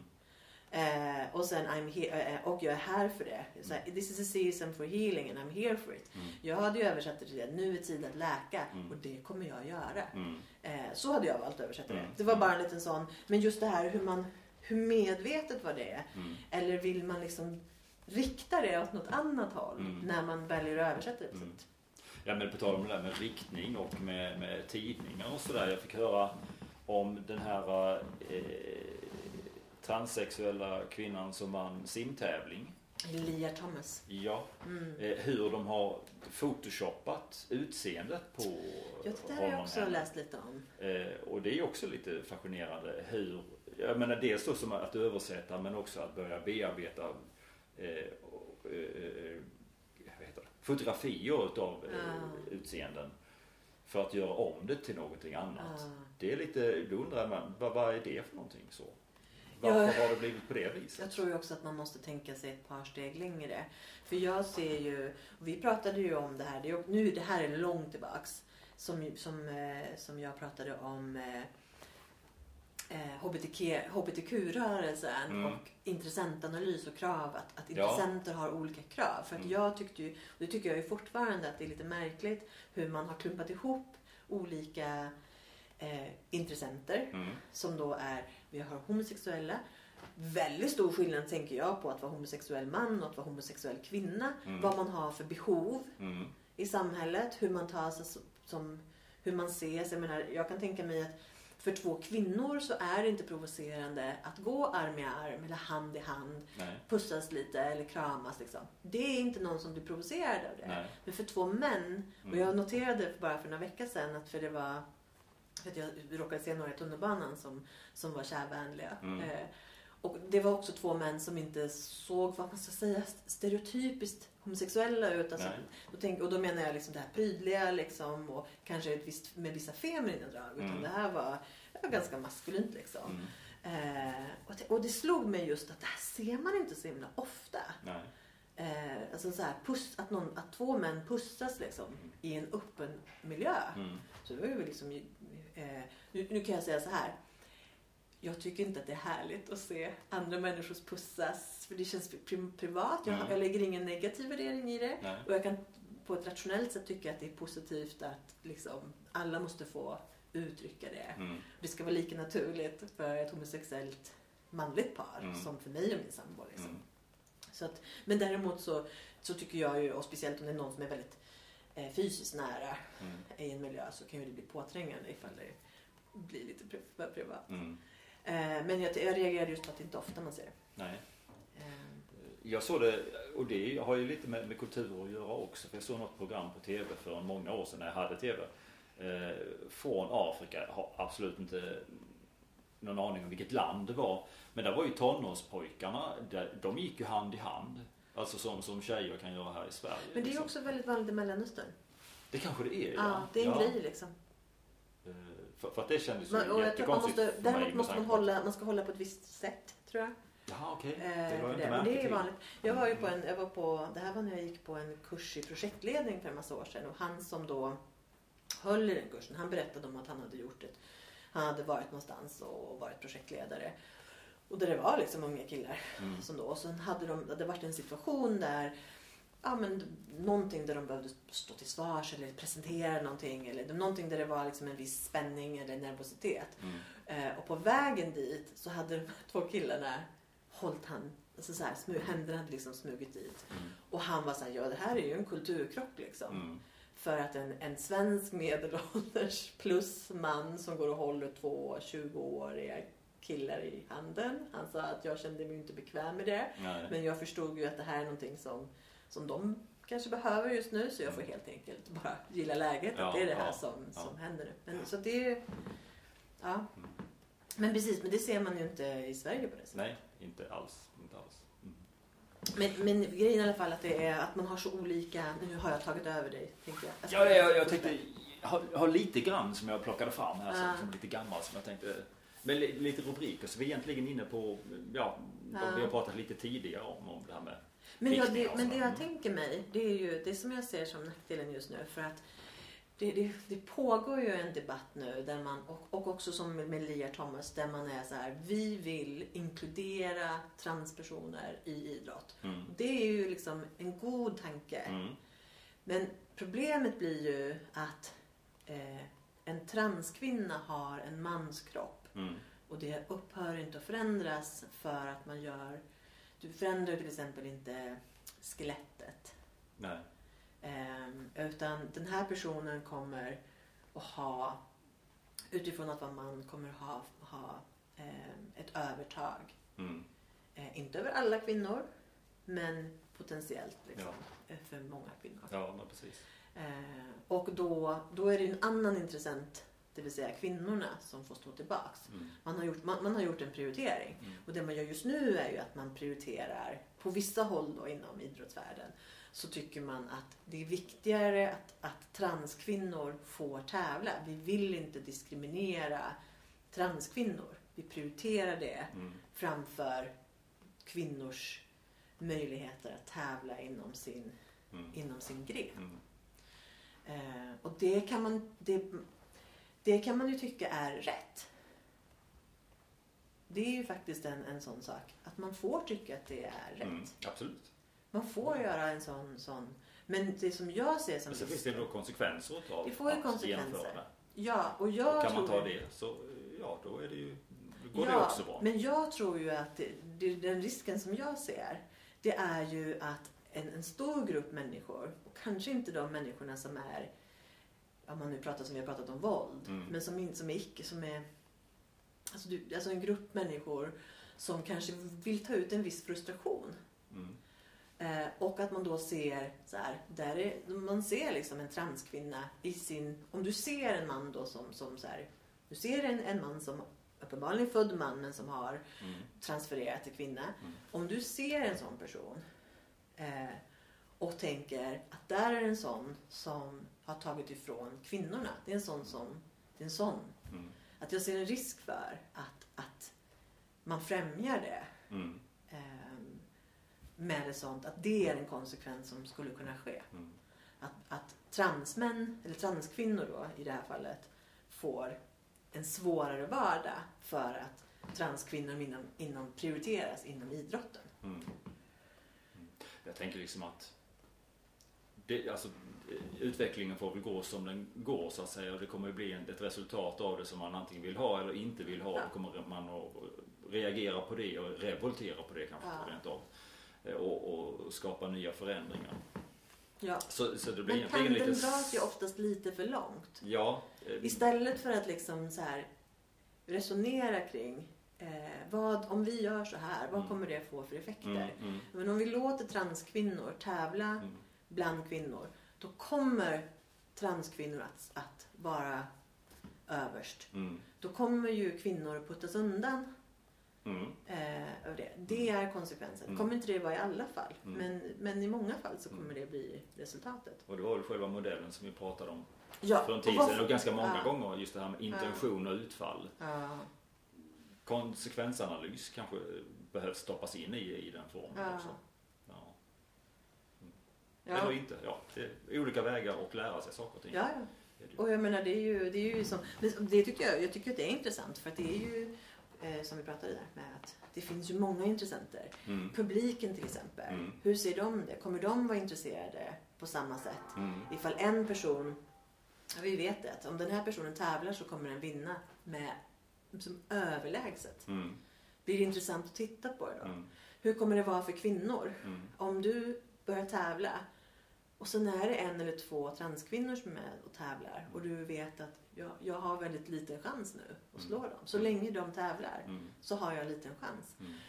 Och du kanske också förlorar chanser med förlorade stipendier och, och sådär som gör att du, du får inte Ja, finansiella. Ja, just det. förutsättningar för Ja. att fortsätta. Och vad händer med sponsorer? Mm. Alltså det är så många liksom som, som delar av det. Mm. Vad, vad, vad händer då med kvinnors sport? Liksom? Mm. Ja, men precis. Mm. Ja, vi har pratat om det förut. Man kan gå tillbaks. Det kan man göra. Det kan man göra. Och vi kan återkomma till det dessutom Ja. Jag tänkte då nu när jag inte helt plötsligt hade någonting så har jag samlat ihop lite rubriceringar så du plockade fram en rubrik där angående översättning och så. Nu håller jag på att försöka få igång datorn för den hade stängt av sig självt. Varför den hade gjort det? Eh, Så kan det väl vara kanske. Ja. Den tar vi väck. Nej, då hade faktiskt allt det för... Nej då, nu kommer det. Nu kommer det. Eh, och en grej som jag reagerade på, och det var faktiskt i höstas, jag tog aldrig upp det, men just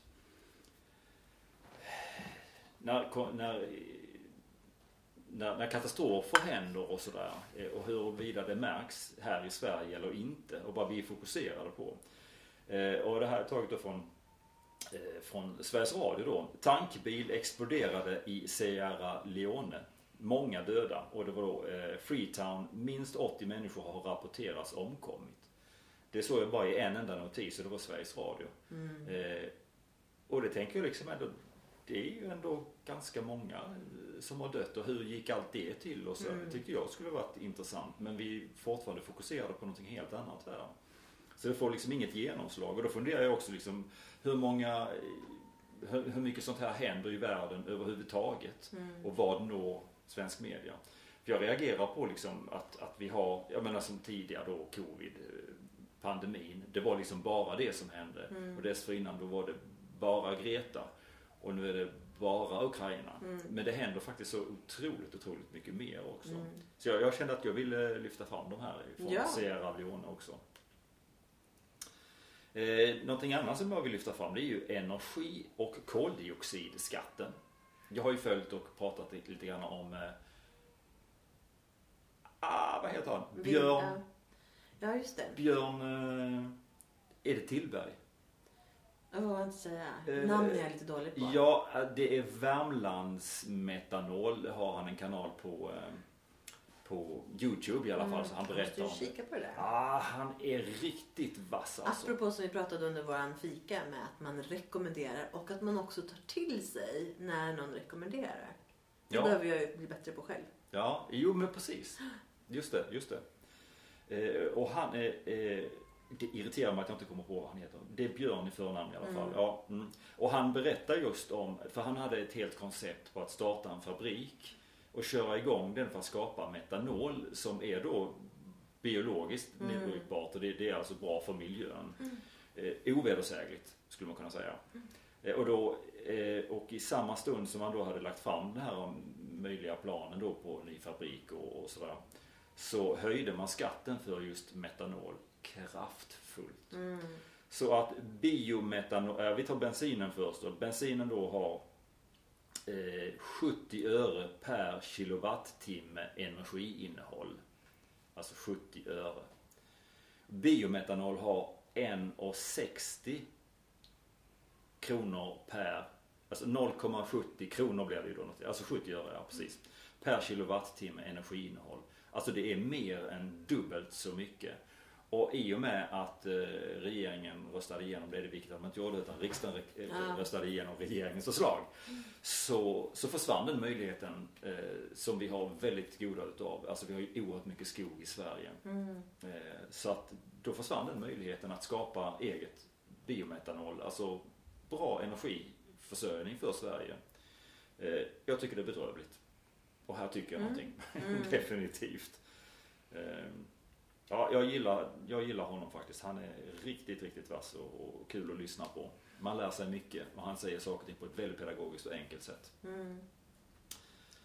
Jag tycker överhuvudtaget, jag, jag tror ju överhuvudtaget när det gäller skatter att det har, blivit, det har blivit lite mer uppmärksammat nu med bensinskatter. Hur, Ja. hur, hur enormt mycket det faktiskt handlar om. Ja, Eh, och att det är när, när då vissa eh, frontfigurer pratar om att nej men det är Putinpriser, det är det som gör. ja, ja, ja. ja. Att det faktiskt är så här Eller pandemin. Ja, Mm. men att det faktiskt är folk då som säger att nej men det här är det, det, det, det är samma priser nu som det var, kommer ihåg det var 2013. Det, här är skatten Mm. som, vi, som vi lägger på. Mm. Och det är så mycket i det som är det, det, det är lite obegripligt. Ja.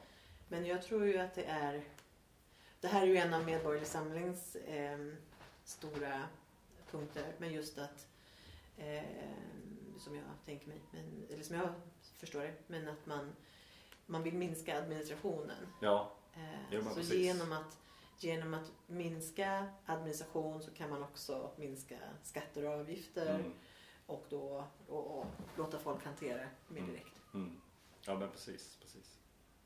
Jag tänkte gå vidare här. Mm. Eh, Och en sak som vi faktiskt varit inne på. IT-jättarna mörkar hur liten chans du har att lyckas.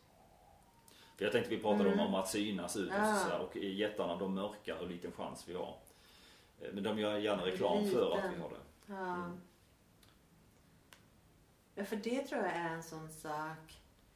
Ehm, jag kommer ihåg för länge sedan när jag gick till en kiropraktor här i Solna och han berättade ju hur de hade liksom tagit hjälp för att eh, för deras kiropraktik tror jag då kom väldigt högt upp. Om du googlar liksom på kiropraktor i Mm. Stockholm. Då Mm. kom de typ superhögt. Mm. Och hur de hade liksom tagit hjälp för att så här, ja, men man ska tagga massa grejer och bilder och allt möjligt Mm. för att pusha upp det.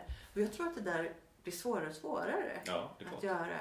Och det filtreras mer också. Så du kan inte få en, om du inte går, antar jag då, men med en, eh, vad kallas det, när man gör anonymt. En anonym VPN. Eller ja, jag kommer inte på vad det heter. Ja, jag vet nog inte riktigt. Eh, nej men när man, när man gör en, en man, man, ska, man öppnar ett internetfönster Mm. och eh, sätter på en, jag tror man går via en VPN-tunnel eller någonting för att, den ska, för att, den ska, för att man inte ska, eh, för att man ska vara anonym. Jag kommer inte på vad det heter. Ja, ja okej. Ja, skitsamma. Mm. Ehm, men att det är så svårt att få en neutral sökning. Mm. Du kan inte få, liksom, du, kan, du kan inte söka på, och det är också tänker jag som en, en del i det här, att om jag då söker på Somamove, Somamove online liksom, Mm. då vill jag kunna få upp liksom, var i Sverige, vilka aktörer kör Mm. det här online? Mm. Ehm, och då, det, jag, jag, det, man kommer ju inte upp i någon form av lista liksom. Det är, Nej, det är svårt Ja, ja att urskilja sig det. Björn Gillberg. Ja, ja, Jag var väldigt nära men Ja. tack och Men du brukar på. ändå komma på. Det Ja men precis, ja men precis. Det, för det stör mig så gräsligt att inte komma på det där. Ja. Så. Här har vi en annan br- rubrik, fast det är en annons också å andra sidan. Här är frukosttrenden du inte vill missa. En hälsosam frukost behöver inte vara krånglig, tråkig eller tidskrävande. Och här har vi då en riktning. De vill tala om för oss att det är att det egentligen är väldigt, väldigt tråkigt men du ska titta på det här för det, nu är det lätt liksom. Mm. Och sånt här reagerar jag på just när man använder, ja, ursäkta. Just det, krångligt, tråkigt eller tidskrävande. Jag hade inte ens en tanke på att min frukost är, är på det viset överhuvudtaget. Men Nej. här ger de idén. Här Ja, det är som vädret. Ja, men det är precis.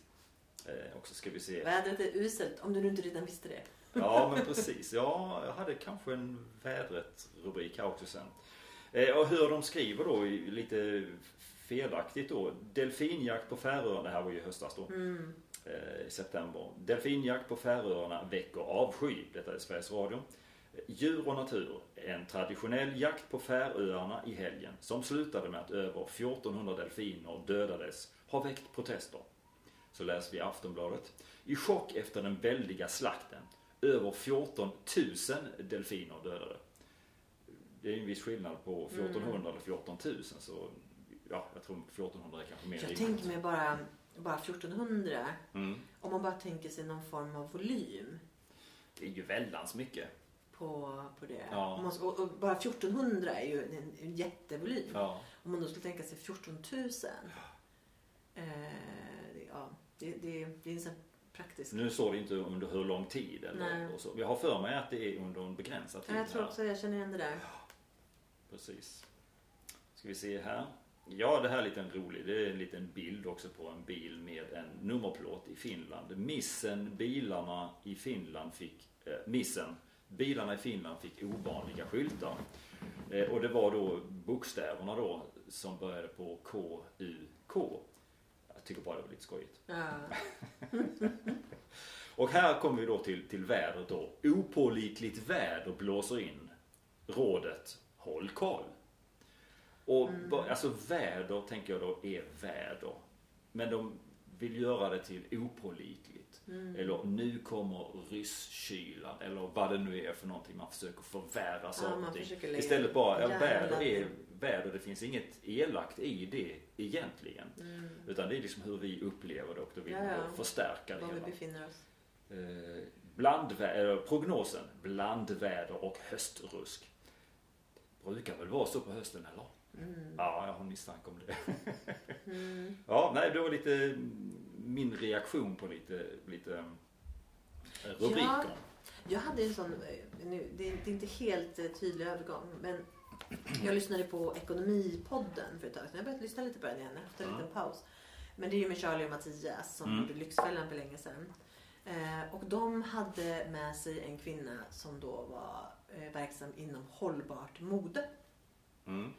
Eh, och bland annat så pratade de en hel del om second hand och att, hur man för, förmed, att förmedla second hand och att, liksom, hur man planerar sin konsumtion. Liksom. Mm. Om man har ett modeintresse men faktiskt inte vill påverka så mycket ändå på, mil, på miljön. Mm. Men det jag reagerade på, jag har hört det här förut, eh, där man säger att snittet per person i Sverige är att man då köper 13 kilo textilier per person Mm. och år. Mm. Och att man slänger 8 kilo. Mm. Ehm, och, och deras reaktion var ju Mm. alltså ofantligt mycket. Mm. Men samtidigt om man så här, nu har inte jag gjort en invägning, vilket jag egentligen skulle tycka var lite intressant att Mm. faktiskt så här, gå igenom nästan, men det blir ju ett litet projekt, men faktiskt gå igenom så här, ja men hur, hur var det för mig liksom förra året? Och sen så tänkte jag också att det beror lite på om man räknar in, räknar man även in typ lakan, handdukar och, Mm. och sådana saker. Mm. För det, de, det väger ju en hel del. Men jag tänker mig om man bara, om man bara pratar om de här... Eh, pra, om man tänker sig att ehm, kläderna som man har på sig brukar man ju ofta räkna med ett till ett och ett halvt kilo. Mm. Eh, som ett litet... Okej, jaha. Det brukar vara en liten sån att om man, om man typ väger in sig Mm. så brukar man dra bort typ mellan ett och ett och ett halvt kilo Mm. för kläder. Och om man då tänker sig så här att, ja men okej, ett kilo. Då betyder ju det att, att, att åtta kilo, det är ju kläder för typ åtta dagar. Mm. Tio eller åtta outfits och, och motsvarande då eh, 13. Liksom. Eh, men jag skulle nästan tänka mig att om du tänker dig 8 kilo och sen har du 5 kilo. Ja, men då tänker man sig så här ytterkläder. Vi i Sverige, vi har ju säsonger liksom. Mm. Så vi behöver ju åtminstone skulle jag säga tre typer av, av Mm. kläder i sin garderob. Och då skulle jag säga att många har ju inte, det är inte självklart att man har samma kläder på höst och vår. Nej. Även ifall det är övergång. Liksom. Mm. Eh, men jag skulle definitivt säga alltså, att alltså, det är en enorm skillnad mot när jag bodde i Australien och du hade en garderob. Mm. Och den kunde du ha Eh, du kunde lägga till en jacka. Mm. Eh, så vi har ju ett helt annat behov i Sverige. Ja. Min, min fundering är ju liksom så här. Är det så mycket? Mm. Eller låter det mycket? Låter det egentligen mycket? Jag vet inte hur, om du har någon Nej? Jag har ju konfronterats tanken i och med att jag var till miljöstationen och, och slängde rätt mycket Mm, tyg faktiskt. Eh, då hade de speciellt ställe man slängde det på så att jag hoppas att det går till återvinning för jag tycker det är ju en stor resurs ju. För det kostar ju väldigt mycket som jag tidigare sagt Ja. med, med bevattning utav bomullsodlingar och sådär. Mm. Och sen slängs det ju väldigt mycket ylle också i, i om det är Sverige eller vad det är. Men, men, Ja, det tycker jag är ju en, en annan faktor som är så här, som jag tycker... och det är också en fantastisk resurs. Ja, den tycker jag ju är... Det, det, det finns någonting så absurt i det. Att vi slänger eh, som en, nat, en naturvara. Ja. Den bara, bara hivar man iväg. Ja. Eh, samtidigt som man liksom gör en massa konstmaterial Mm. och liksom... Ja. ja men precis. Där skulle jag tycka att det var intressant att vidareutveckla Mm. och kunna använda den varan istället. Ja. Jag vet inte riktigt varför Ja, man inte... Och det märker jag ju nu när jag är ute och jobbar väldigt mycket och det är kallt. Alltså igår då till exempel så hade jag ett par vanliga bomullsstrumpor på mig Mm. i, i kängorna. Eh, jag hade i och för sig en yllesula eh, också som värmde lite grann. Men jag kände att det var lite för kallt så att jag tog på mig yllestrumpor, eller sockor då. då. Och det Mm. blev ju varmt på ett helt annat sätt med en gång Mm. faktiskt. Ja, de andas ju på Ja, naturligt. ja, precis. Och de, de Och håller leder värmen när det är fuktigt liksom. Så Ja, att ja. det, det är ju, jag, jag eh, köper på mig Ja. så fort jag hittar. Nej men det jag tycker är lite intressant är ju så här. Sen är det ju naturligtvis att man hur mycket kläder förbrukar man per Mm. år? För den kan jag tycka är lite mer intressant. Om man slänger 8 kilo, är det för, så hur mycket av det är för att det helt enkelt plagget är slut? Mm. Och skulle man kunna liksom, jobba på ett annat sätt? Jag menar jag tycker till exempel, nu sitter jag i ett par jeans idag Mm. och de här jeansen har jag fått förstärka i grenen. Mm. För det skulle jag säga, det är det första som, som ger upp ett par jeans Mm. det är att man möter dem. Jag vet inte hur ofta man ser folk som har gjort någon form av lagning liksom, Ja, i det partiet. Eh, och där skulle man liksom kanske kunna önska att man faktiskt gjorde, alltså hanterade det från början. Liksom. Ja, Att du på något sätt gör, gör en förstärkning där. Eh, för jag skulle säga att ett par, jeans, och då har inte jag liksom en uppsättning av, av tio par jeans i garderoben utan jag tycker att två, två eller tre par räcker gott. Mm. Men de, de, de räcker inte mer än ett år. Nej, Kanske inte ens det. nej. Eller ett år kanske nog räcker om man har då tre par Mm. som man varvar.